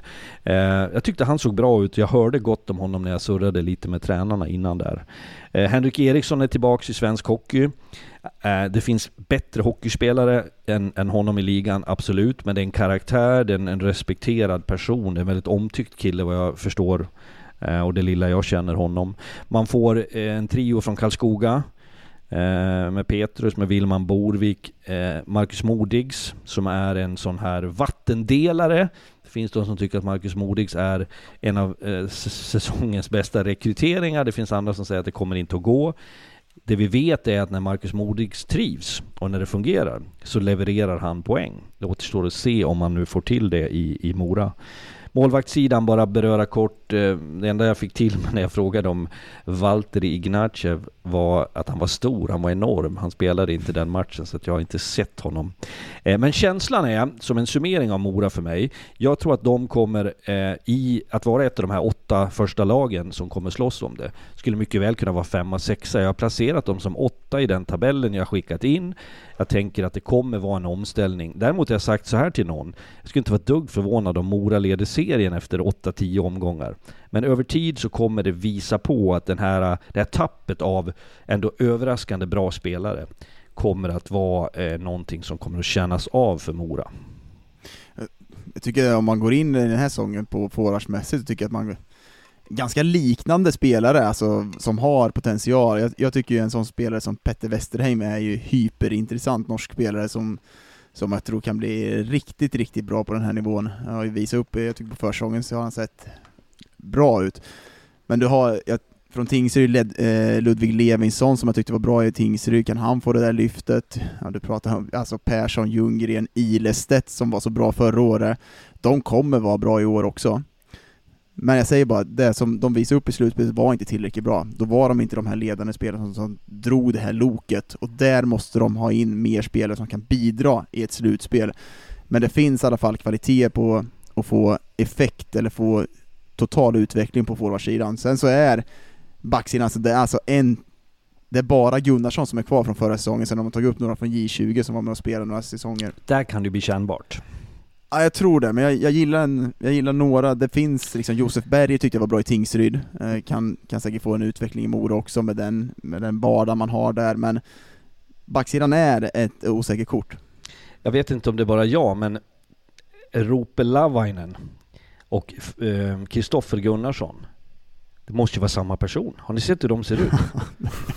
Otroligt lika. Jag känner inte Lavainen, jag känner Gunnarsson lite grann. Jag hejade på, trodde jag, Gunnarsson. Det var inte Gunnarsson. Lavainen. Men han hejade glatt ändå för att sätta en stjärna i kanten på honom. Min fråga då Fredrik, med Mora. Ja. Persson gjorde 30 mål förra säsongen. Ljunggren eh, dominerade när han var skadefri. De eh, kunde inte lyfta trots att de hade ju en helt otrolig andra kedja. Men hur bra var inte Heikkinen och Mikitinac och Axel Sundberg under långa stunder? Eh, nu är Ljunggren och Persson ett år äldre. De valde att stanna. De valde inte att ta chansen att gå till SHL som vi har hört från många håll att de har haft. Brynäs har det snackats om att de har varit hugg på Persson och så vidare. Vad är det som säger att Mora liksom ska kunna vara med i toppen trots att man bytt ut hela backsidan? Du har ett osäkert kort på målvaktssidan. Du har en första kedja som eh, fortsätter i samma slentrian och vara kanske den bästa duon i Hockeyallsvenskan över tid här. Vad är det som gör att de här ska lyfta? Ja men du, du frågar egentligen fel person för jag sätter dem som åtta. Men jag, jag, jag förstår... Ja, det har du ju svaret där. Ja, men, men eh, det, det, resonemanget är ju eh, intressant och relevant. Jag tror ju och det får jag ju känslan av när jag pratar med Daniel Hermansson att de har ingen anledning att, att förändra hela världen. De vill bygga vidare och det ska ju också sägas att det här som har skett de senaste åren har ju Hermansson varit inblandad i. Så att där, där tror jag att det kan vara en ganska sömlös övergång. Eh, dock så är jag inte säker på, det skulle vara smått sensationellt om du skulle få samma effekt på som du har fått på Axel Sundberg, som du fått på Heikkinen. Eh, Dagen, du pratar om de här norska killarna. Det finns ju fler än Westerheim. De har ju två, tre man som är eh, potentiella spelare. Så att det finns en... Det, det, Mora har ett väldigt intressant projekt. Men att få ihop det i den här tuffa konkurrensen som råder i ligan för att sen kunna leverera. Det återstår att se innan jag är beredd, beredd att stämpla dem som kvalificerat godkända det där, alltså Moras rykte är ju både på gott och ont. Alltså du ser nu, det sticker spelare hela tiden, man får, man får spelare som vill komma dit och utvecklas, sen så drar de, men Alltså Persson gjorde 30 mål förra säsongen, vi pratade om måltorka. Ja vi hade ju nästan extra sändningar ett tag där under hösten, att nu är det över, Johan Persson har slutat göra mål. Så han gjorde mål 20 matcher, han gjorde poäng 20 matcher i rad. Ja. Det man vet, Ljunggren, Persson, Ilestedt, Karlsson kommer vara bra i Mora, de kommer driva det här laget. Och jag tror att det gör lite att man får, de bakom kan slappna av lite på ett annat sätt, de vet att de kan driva laget, och då får de, kan de få effekt på de här spelarna. Ja, Petter Westerheim är jag otro, en av de mest intressanta spelarna, uh, unga spelarna i den här ligan. Och då är frågan, vem är nya Anton Heikkinen eller Sundberg då? För det kommer ju att komma någon som får dunder hit i Mora. Är det Ludvig Levinsson Fredrik, eller har du någon där som du känner att, ja men ja, här men Levinsson tycker jag är intressant. Jag sa också den här Filip Schultz, dansken, tyckte jag såg bra ut i en träningsmatch och där kan man inte dra några slutsatser. Jag, jag tänker ju att för det, det berör du lite grann Dagen, att om de här herrarna som du, eh, Persson, Ljunggren eh, eh till exempel, levererar så blir det så mycket tacksammare att smita in där bakom, få lite ligga liksom i, vad säger man, du som var cykelexpert nu Lars, draget bakom de som cyklar först. Man ligger i slipstream. Ja, du ser. Smurf. Ja, men ha, ha, ha en, en kedja som driver det. Jag, bara, det, det, ger, det ger liksom en trygghet hela tiden, man vet att det är garanti där ute och det, det, måste finnas. Sen är vi inte ens inne på Shed Jetman som ser hyperintressant från East Coast som öste in poäng där, så det finns bra spelare. Får jag fråga, är det här ett bättre lag Mora kunde ställa upp med än vad vi trodde. För jag menar, lyssnar man till vad man, eh, tongångarna hur det var i mars så lät det som att de skulle flytta Vasaloppet och ta bort Dalahästen och att Håkan Bogg till och med skulle få packa ihop sin materialväska. Ja, men det är ju tack vare att man har byggt upp något de senaste åren. För det är klart att som spelare idag, om du har alternativ, så, så vill du vara... Jag tror att Mora är duktiga på, eller det vet jag, duktiga på att skapa en intim känsla i, i så mening att du får nära relationer, bra kontakter, bra kompisar, du har stöd och support. Det är, en, det är en bra miljö att vara i. Och sen den sportsliga, där man har tränat bra, hårt, skogs där, piska på dem på gymmet. Eh, och det är ju faktiskt så spelare behöver ha det om de ska bli bra. Men vem tar bjällan och kastar den? Han var ju på semester när jag var där på träningsmatchen, så eh, min eh, behandling av tinnitus fick ju en ljusning där. Jag ringde han dagen efter och sa det att du skämmas här att du inte var på plats. Jag sa ju att Fredrik skulle vara där, vilken rad och plats han skulle sitta på, du skulle sitta bakom. Jag menar, Vuvuzela framställs som en skönsång jämfört med den där bjällan. Ska vi, alltså han borde kunna bli miljonär om han bara går ut med så här att jag är Bjällermannen. Jag har adderat en till bjällra gjorde han den förra säsongen. Jag startar en insamling. Ja. Får jag in en miljon då slutar jag med det här. Ja. Han hade ju kunnat flytta till Barbados Ja, imorgon. men det Ja. finns risk att han inte finns någon mer om man avslöjar vem han är också. Så många arga supportrar där ute. Jag hade ju redan för intervju på en match i Mora men då det, ja. på något sätt var det en teknisk Ja, glitch just så att den aldrig kom ut. Det kanske var Säpo som hade känt att det här Kan vara kommer det. inte gå något bra. Det, det är som att avslöja, nu tappar jag namnet på banan, melon, kiwi och citron. Det är precis samma som att avslöja bjälle. Hoja ja, det är precis som att avslöja bjäller, mannen i Mora. Där har vi Bra, Aftonbladet vad fint. imorgon nu. Här är han, Bjällermannen. Lever med skyddad identitet. Och får flytta till Malung och Det är som dansken som sprang ut med 3-3 där. Han har druckit 16 starköl. Det är ju han som spelar i Mora, det var ju Filip Schultz. Som, Ja. Eh, Dagen, eh, Fredrik sa 8 på Mora, vad tror du då? Du behöver, Ja, ni, det- behöver- jag tror inte ni behöver säga exakt på tabellposition, ni kan hålla det lite spännande så ni kan säga på ett, eh, ett spann kanske. Nej, jag säger det. Jag säger det, det är rätt. Det är, vi är identiska där också. Jag har dem som åtta. Kul att ni kopierar varandra. det är lite tråkigt men... Så är två det. experter. Ja, eh, vi går vidare då till eh, mitt sista dag för dagen. Vi kommer alltså gå igenom hälften av de hockeyallsvenska lagen i det här avsnittet och resten av lagen kommer till nästa vecka. Och vi har helt enkelt delat upp de här i bokstavsordning som det står på Elite Prospect så att det är inte svårare än så. Mitt nästa lag är eh, IF Björklöven som eh, ju åkte ut i semifinalen mot Djurgården förra säsongen. Det har ju hänt inte så mycket om man ska vara helt ärlig med Björklöven. Man har i rena tapp egentligen som eh, spelare som inte är kvar så är det väl eh, Baudouin, Löke, Fitzgerald då som de valde att inte behålla tillsammans med Vete och Alex Hutchins då som blev eh, ett avsked från. Man adderar eh, Powell som kommer in i premiärveckan så kommer Miles Powell in i Björklöven. Han har inte anlänt än. Man har anlänt... är det eh, och skatteskäl? Ursäkta bara bryter in. jag misstänker det Ja. och jag antar att det är för att eh, Oskarshamns skatteskäl och Ja, inte ja, Björklövens. precis. eh, men eh, han kommer alltså i premiärveckan. Nikolaj Mayer har man adderat som var poängkung i Hockeyallsvenskan var fullständigt dominant med, med Liljevall och Dyk för några år sedan och det kan Dagen få om en liten stund få berätta om hur bra han var. Så man har tagit in Malte Sjögren då från ett Kristianstad som blev utsparkade. Matte Sjögren har ju både Viktor Stråle haft i Malmös J20 och Per Kent har haft honom i Oskarshamn som kände till den karaktären väldigt bra. Och så har de tagit in Dover Nilsson från Västerås som ju tidigare ägts av Frölunda. Det är väl egentligen de stora förändringarna. Björklöven har ju varit i eh, tabelltoppen i många säsonger nu. Hade ju tre raka finaler, blev en semifinal i fjol. Och eh, det är ju ett av de lagen som har bytt minst spelare inför den här säsongen. Och min första fråga som jag vill ställa till er. Vad tror ni anledningen är? Jag misstänker att det kommer att säga slutspelet så när vi får utveckla det lite grann. Men hur kan Nick Schilke som vinner poängliga med 11 poängs marginal bli kvar i Hockeyallsvenskan?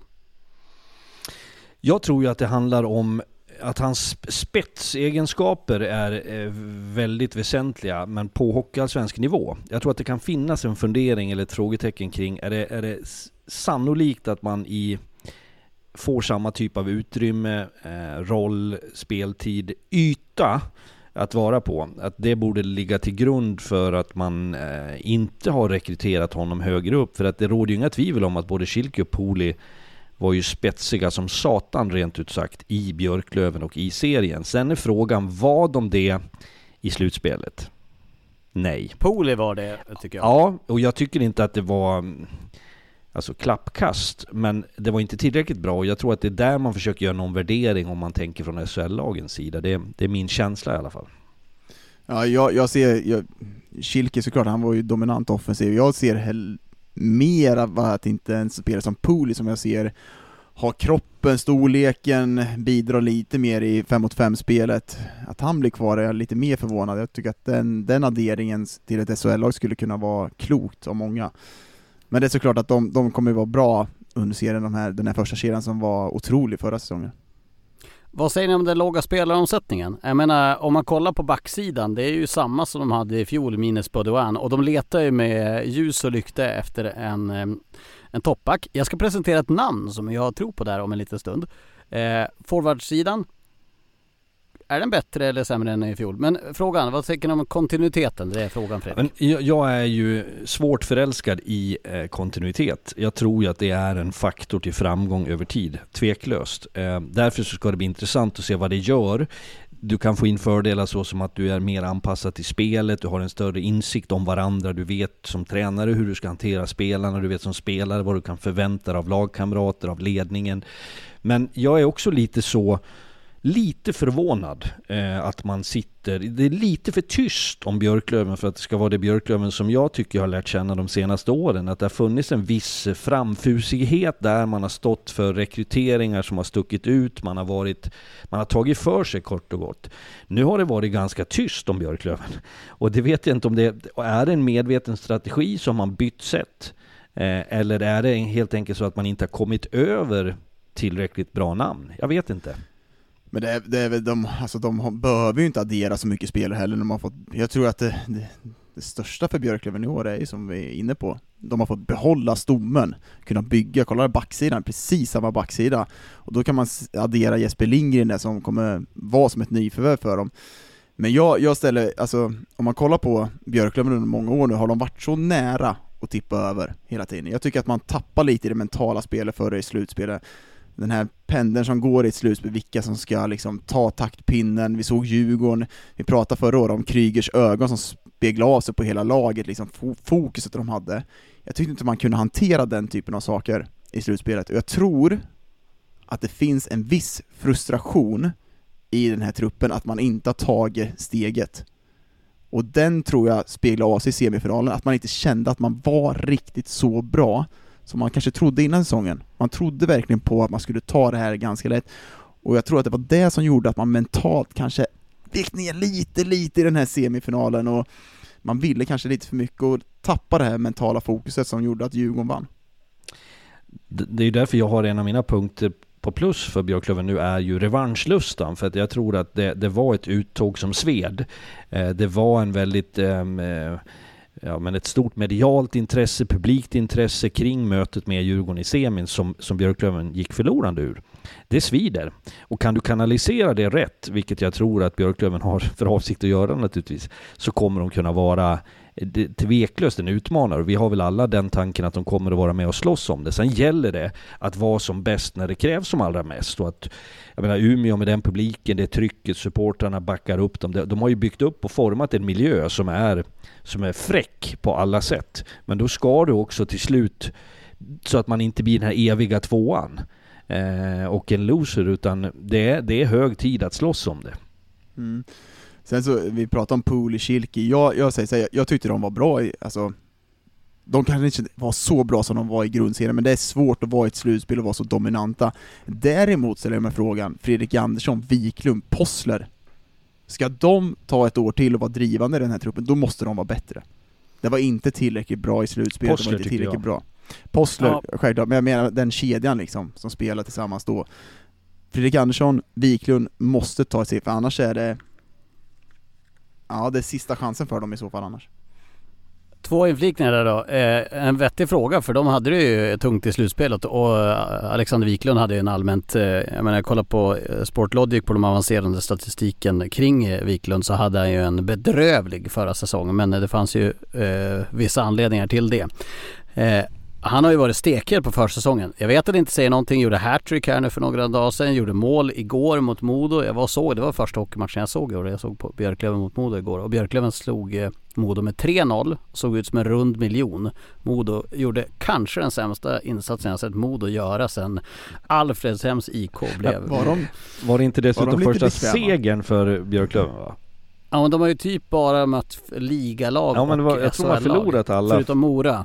Ja de har spelat eh, resultat, alltså det har jag Jo, ja, bara förluster så lyckas de vinna. Perfekta upplägget ju. Ja. Där har vi den Men- där Oskarshamn Nybro by the way.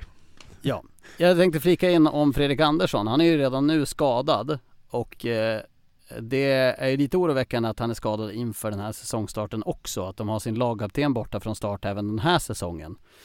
Men frågan jag har till er. Vi var inne på kontinuiteten. Den var ni överens om att den var bra till viss del. Fredrik var mer positiv än Dagen vill jag påstå. Men eh, 12 forwards, de har inga juniorer i Björklöven. Nu har de 12 forwards som de startar säsongen med. Och J20-laget spelar i Elit. Behöver man inte addera en forward då?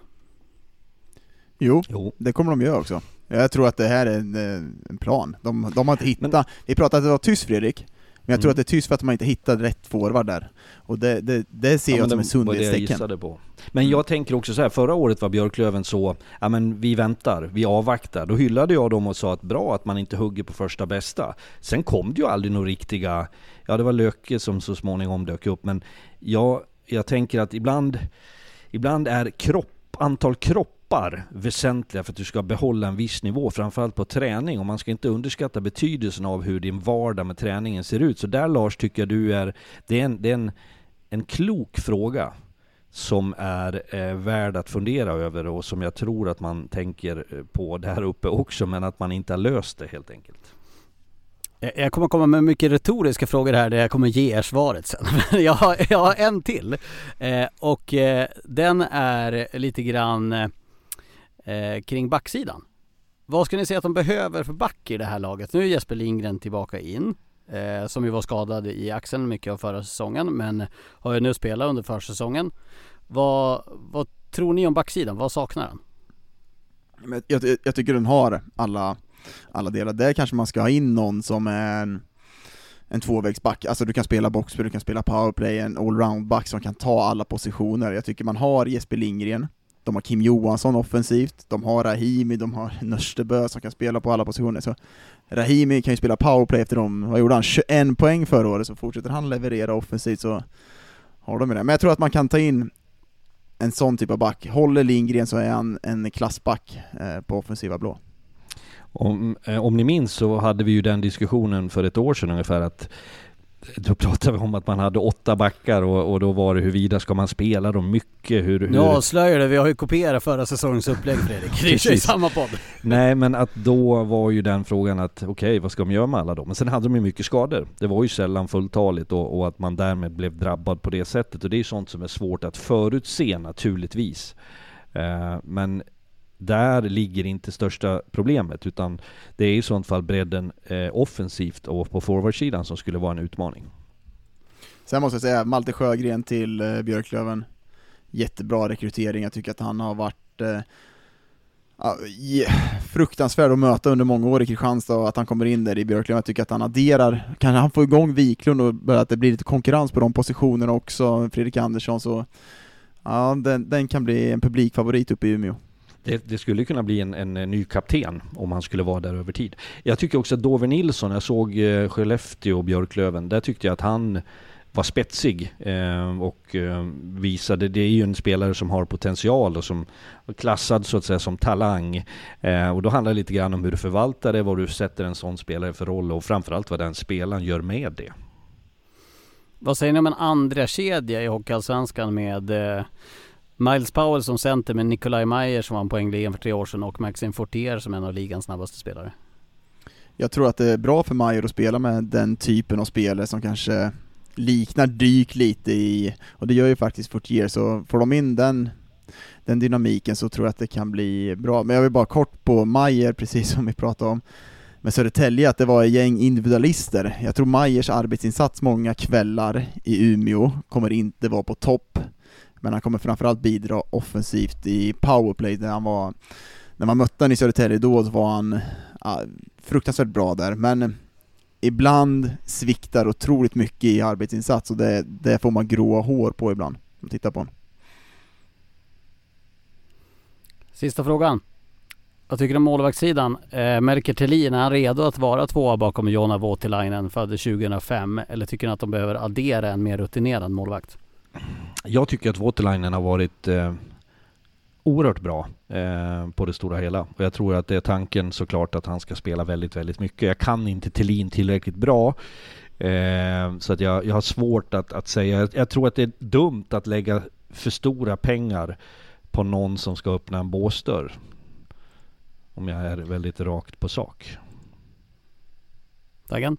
Nej, jag håller med, jag håller med. Thelin är en stor talang, kan få... Sen är det ju precis som vi pratade om Ekberg i Almtuna, är det rätt att han ska stå på bänken i ett, i ett Björklöven eh, än att spela mycket J? Jag vet inte hur planen är för honom, men det är såklart ett, ett, ett framtidsnamn, men jag tycker att Voutilainen visar upp förra året, kanske sviktar lite som hela Björklöven i slutspelet, men helt klart en av seriens bästa målvakter. Var tippar ni dem? Nummer två. Nummer två. Säger du? Ja, men, nu får ni på riktigt skärpa er. Nu får ni kasta. Om den andra säger en siffra, då får ni inte säga den andra efter det här snart. Ja men då säger jag så här, det, det är tragiskt att höra att Daggen inte är ett dugg bättre än mig, för jag är ju en erkänt usel tippare, så att det, det är mer det jag känner sorg över att han inte har bättre förstånd. Men, så ja men det två. ska vi väl... Eh, sluta tippa, ska du göra, göra Fredrik. Vi är inte synska. Nej, det är därför jag inte tippar privat så att säga. Men två på Björklöven från båda er. Eh, och eh, något att tillägga? Är det någon spelare ni är nyfikna på där eller har ni, har ni något annat ni vill säga om Björklöven? Nej, inte mer än att jag, jag tycker att Björklöven är ett eh, profilstarkt lag som har varit viktig för ligan under några år nu. Jag tycker att de står för en hockey som är eh, framgångsrik över tid. Man har ett bra intresse på hemmaplan eh, och det är ju ett klassiskt lag. Ända sedan min favorit Matti Pauna spelade där och SM-guldet 87. Fick jag in det också. Minns du att du hade din resväska Fredrik? För två säsonger sedan så skojade du om att Robert Lahti Mm. åkte i den där resväskan. Mm. Jag har ju eh, en ny dispyt med Robert Lahti. Vill Oj. höra om den? Jag var inbokad på en husvisning här i våras och eh, det var jag och en till och som skulle då eh, duellera om denna bostad. Jag eh, kommer dit, träffar mäklaren tillsammans med min sambo och eh, in ångar Robert Lahti. Så det skulle upp till budgivning mellan Lemberg och Lahti. Eller alternativ fight to the death och vem som får ta Alltså, bostaden. Hur länge han bott i det Lahti har ju huset ruggig... Du, Lahti har ju ruggig aura att inte ge sin budgivning. ja, han känns ju som en närtroppare, han sitter och klickar hem där. Lite så här envis. Nej, jag ska ha kåken. Ganska lugn men kommer med buden såhär snabbt bara, ta, ta, ta, ta, ta. Man hinner inte ens andas mellan buden. Så Direkt ge med dig inte in det så- Lars. Höj med tusen spänn, direkt. Eh, nej men eh, av, eh, för att sprida god stämning så backade vi ur direkt. Jag kände att eh, man ska inte blanda jobb och eh, privatliv. Så jag, jag valde att Köpte kolla på annat huset? boende. Jag tror inte det. Ja. Eh, men han köpte en resväska att bo i Ja. Han har ju bott gratis hos mig i två år så att... Han har haft det bra. Eh, där sätter vi punkt med Björklöven. Eh, och Dagen, du har ett lag kvar. Det är sista laget för dagen. Och, och innan Daggen går in på det, får jag bara... Jag har suttit och funderat nu. Du påstod för en stund sedan Lars att det här var bokstavsordning. Nej, jag sa att jag hade delat upp lagen. Att jag skrev dem enligt Elise Prospect och så skrev jag Daggen, Fredrik, Lars. Daggen, Fredrik, Ja, Lars. ja, du menar vem som så. fick Ja, vilket lag. Ja, men det blev inte Ja, de jag- sju första i bokstavsordning idag. Nej, jag fattar i alla fall Lars, men Mm. det vet Ja. du det. Nej men AIK Hockey, Stockholm, eh, har väl laddat på lite med Niklas Persson in på, eh, sportchefsplats. Jag tycker att man har, framförallt på forwardsidan, man har tagit Fitzgerald och man har tagit Brandon Trock, Kontos som hade en kemi från Slovakien spela tillsammans tycker jag. Smart gjort att man tar ett sånt par. Jag tycker att Kontos, när han var i Kristianstad, var en av de bästa spelarna som möttes då. Han var dels att han var jobbig att möta, men hade de här offensiva kvaliteterna. Nu får man in Chock där också. Så kan de liksom tillsammans med kanske en Fitzgerald eller någonting, jag tycker man saknar lite förra året, precis som Södertälje, att man inte hade kanske någon som bidrog mer i offensiven till, med Gyngo och de här. Så nu har man Kontos, Trock, Fitzgerald som kan bidra där som jag kanske inte kom upp i, om vi kollar Fitzgerald kom inte upp i högsta nivån i slutspelet, men under serien så var han ju otroligt bra. Kollar vi på målvaktssidan, helt ny målvaktssida, alldeles för dålig förra året, tycker man tappar mycket på det med Lundström och Endre. Nu har man ut Norman och Bibau, där får vi ta ut Bibo, ja du ser. Lite oprövade kort båda två såklart, men har ju, Norman har ju bra liksom stats från norska ligan, kan han komma in liksom och, och bidra där, men målvaktssidan relativt oprövad, men den måste vara bättre än förra året. Jag tycker man tappar otroligt mycket på just den biten, de var inte tillräckligt bra. Backsidan tycker jag också ser bättre ut. Vi har den här Olle Einar Eng, Engeland Andersen som har bombat Norra in. Europas längsta namn. Det är ju typiskt norrmän. Jag Ja. fattar inte att de inte förstår att de kan glömma några för ett tag. De har så gott om pengar så de strös ut på bokstäverna. Här har vi en som kan, om vi pratar offensiva backar, så är det kanske en som kan vara i toppen av poängligan. Otroligt skott, kan han bidra där. Men det stora hela på AIK tycker jag, om man kollar på dem, jag tycker att under nästan hela säsongen, eh, under grundserien, så var det alldeles för mycket mellanmjölk, man hade Alltså, vi, vi pratar kamp i hockey, jag tycker inte man kampar tillräckligt mycket, man har inte den här gemenskapen, jag tycker inte man drog i samma riktning som gruppen, men under slutspelet så hände det någonting. Jag tycker Modo där, när vi hade den här timeouten, då visade de liksom vad AIK är på väg. Att det är stora, starka AIK, man drar åt samma håll, men framförallt att det är hårt jobb, det är kamp varje kväll. Det tror jag är den största utmaningen, att de ska hitta rätt på den typen av saker. Det finns spelare som ska kunna bidra på offensiv och vara bättre än förra året. Gynge finns där. Vi har Bagenda, de som var riktigt bra. Men jag tror just det, att det inte blir en mellanmjölkssäsong igen för AIK. För där finns det potential att bli bättre. När jag tänker AIK, mina funderingar, reflektioner, det är inte svar än, de kommer ju komma med tiden, men fem nordamerikaner. Eh, det kan vara spets, det kan vara attraherande, det kan vara effektivt, men det kan också vara ett sänke. Det gäller att de hittar sina roller, sin identitet i spelet, att det fungerar, att de levererar. Eh, Du pratar målvakterna, det var ju en sån sak som vi hade uppe vid ett otal tillfällen. De föll på det. Jag tyckte att de släppte till kanske chanser lite för mycket, men framförallt för mycket mål och, och där, där måste man upp. Eh, karaktären, det AIK visade i, när man klev in i slutet av säsongen och slutspelet var ju stundtals magnifikt. Eh, Anton tog till orda som det blev debatt kring, men jag tyckte framförallt att spelarna klev fram. Sån som eh, Ingberg Nilsson till exempel är ju en karaktärsspelare. AIK behöver ha många sådana som varje dag levererar, att man lyckas hitta en kombination både av av att spelmässigt vara bra men också uh, leverera. Jag är också förtjust i att man plockar in Fredrik Stillman tillsammans med Anton Blomqvist. Vi hade ju den diskussionen vid ett antal tillfällen också att eh, Anton är relativt grön, väldigt ambitiös och väldigt duktig tränare i, i min mening. Eh, men han, precis som alla andra, behöver ha stöd och support. Och där tror jag att Fredrik Stillman, som gillar att vara lite grann i skymundan, kommer att passa bra in. Eh, sen gick Niklas Persson ut här nyligen och, och Eh, han ställde sig frågan, vi borde kunna slåss om topp fyra. Det där är ju en evig eh, frågeställning för AIK. AIK är en stor anrik klubb. De kan aldrig säga vi ska vara topp åtta. Men det är frågan om man har ett tillräckligt bra lag för att vara topp fyra. Är inte för att sälja biljetter det då? Jo, det är det ju kanske, men med det lägger du också en, en, en, en blöt filt över laget. När du sen framåt senhösten och efter jul inte, inte ligger där som det var, då, då kommer ju det kommer ett bakslag på det givetvis. Så att jag, jag tänker lite- att... Förlåt? Det är väl lite bara kort bara att säga att jag satt ihop ett jäkligt bra lag här, ut och prestera, för det sitter där. Ja, och det har ju hänt förr och det är klart att de tycker säkert att de har ett bra lag. Eh, sen ska det där leverera också, men jag tycker att det finns någonting i AIK. Jag har ju trott på dem förra året och säsongen innan och haft fel i det. Men det är att jag tycker att de är, eh, har rätt tänk i grunden. Sen har inte leveransen varit där. Men med de här gubbarna in, en sån som Fitzgerald tycker jag, när han har sina bra stunder i Björklöven så har han varit ruskigt bra.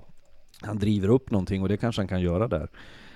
Um, och du nämnde Ole Einar, eh, norsken där, vars jag var tvungen att kolla upp här för han är från, från Storhamar där jag var, men han var då i, spelade i någon liga i juniorliga i USA. Men hans, hans pappa heter Karl Oskar Bö Andersen och kallades för Koba efter initialerna, så att det är lite Norge för mig. Kobas grabb, Ole Einar.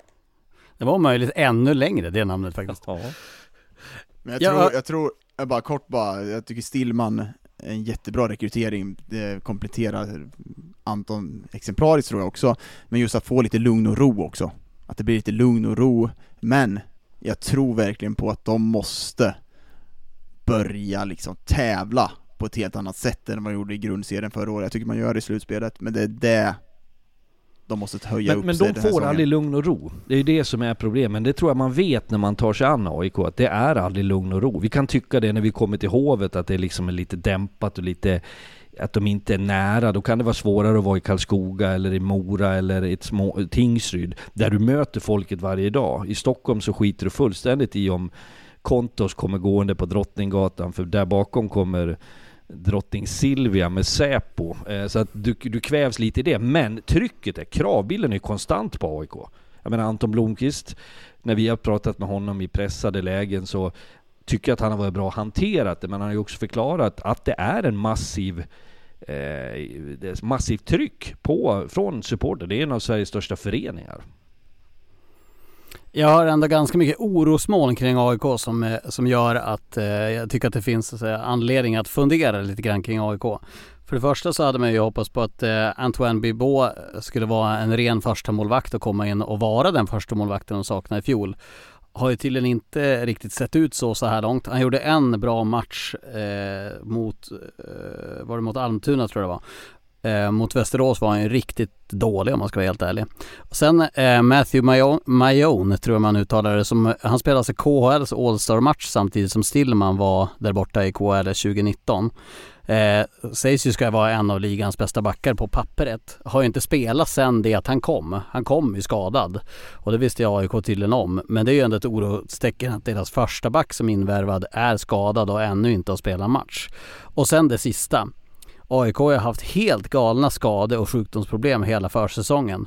Mot Almtuna så åkte de upp på sju juniorer som inte ens hade tränat med laget för att spela match. Och bara ikväll när de skulle spela match så läste jag att både Bagenda, Fitzgerald och Mayon är borta.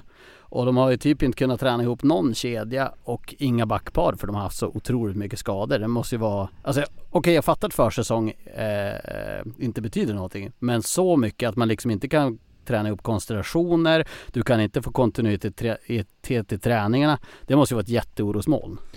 Det är det verkligen. Och just att man inte får sätta laget tillsammans och åka iväg och spela match, det, det stör lite i uppladdningen.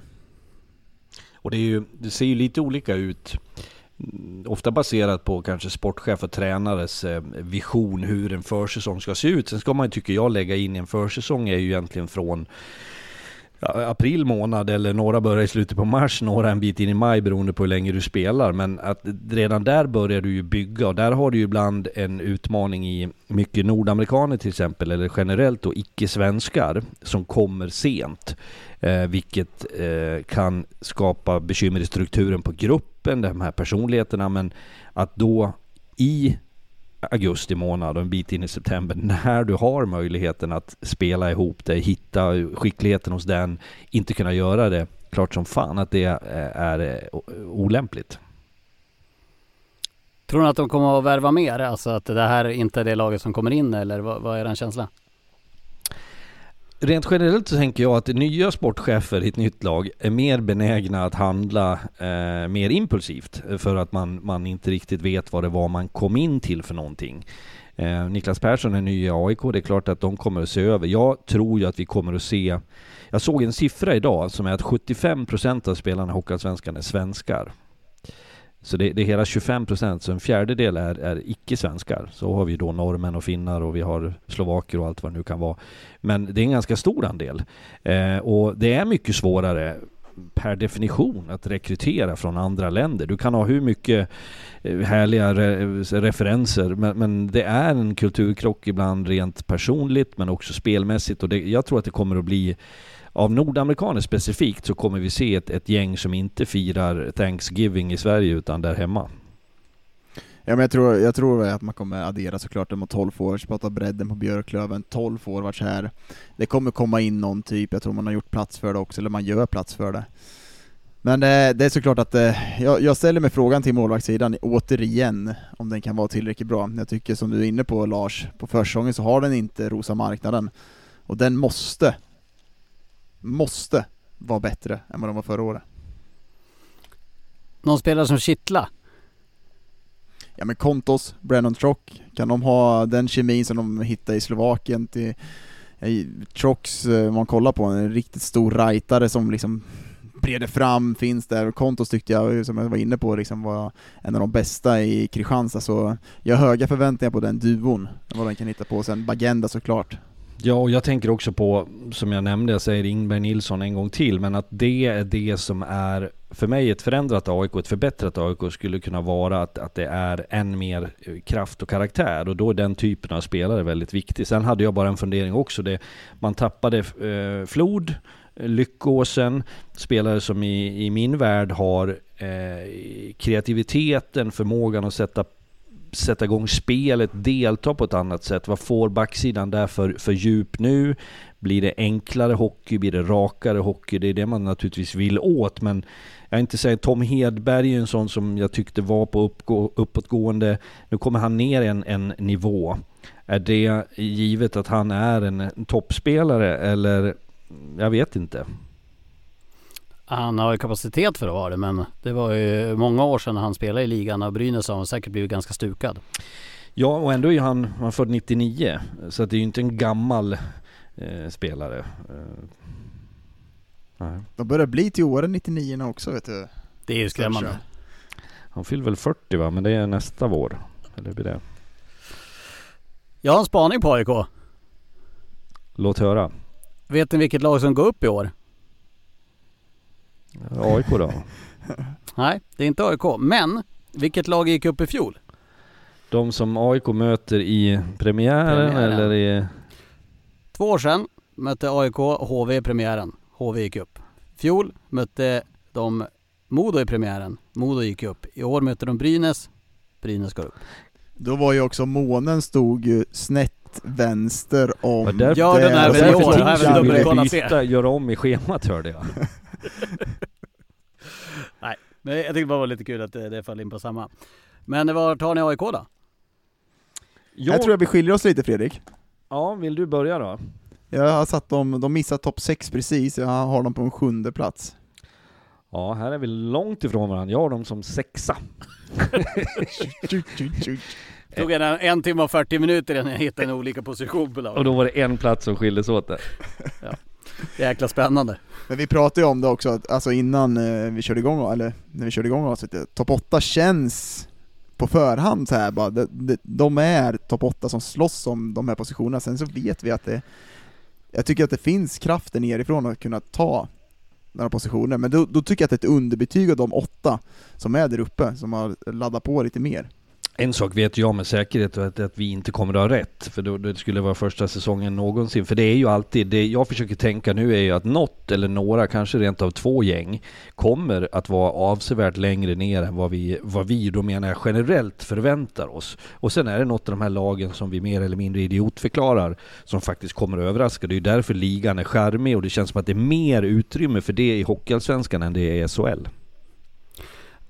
Då har vi alltså gått igenom AIK Almtuna. Eh, vi behöver inte gå igenom vilka vi har gjort utan vi säger nästa vecka kommer alltså Karlskoga, Brynäs, Djurgården, Tingsryd, Västervik, Västerås och Östersund. Vilken koll du har Lars Lindberg. Jag läste innantill. Jag förstod det. Chockerande. Men otroligt kul att vara igång. Ja. Att jag inte har fått så mycket skit för mitt tekniska haveri här men jag, jag sitter ju på en väldigt ödmjuk stol just nu för att för dem, och det är ju svårt för folk som lyssnar på det här att veta, men, men vi hade väl åtminstone en för, fördröjning på låt oss säga 15-20 minuter och den som hade Ja. allting, och då menar jag precis allting under kontroll, det var jag. Det, det jobbiga är att det är sant. Ja. Men eh, jag, och jag hade dessutom inte tid att starta sent och då var det min teknik som fallerade. Ja. Kom sent också. En minut. Ja, men det är fortfarande sent. Jag Tåget väntar inte på Lars Lindberg. Nej, det kör iväg. Vad, vad ska vi göra nu då? Det är två veckor tills Hockeyallsvenskan drar igång. Ja, men nu- jag tycker att det här är en ganska intressant tid nu. Dels att följa eh, lite grann eh, måendena hos lagen. Eh, vilka åker på någon tuff skada här, eh, besvärande.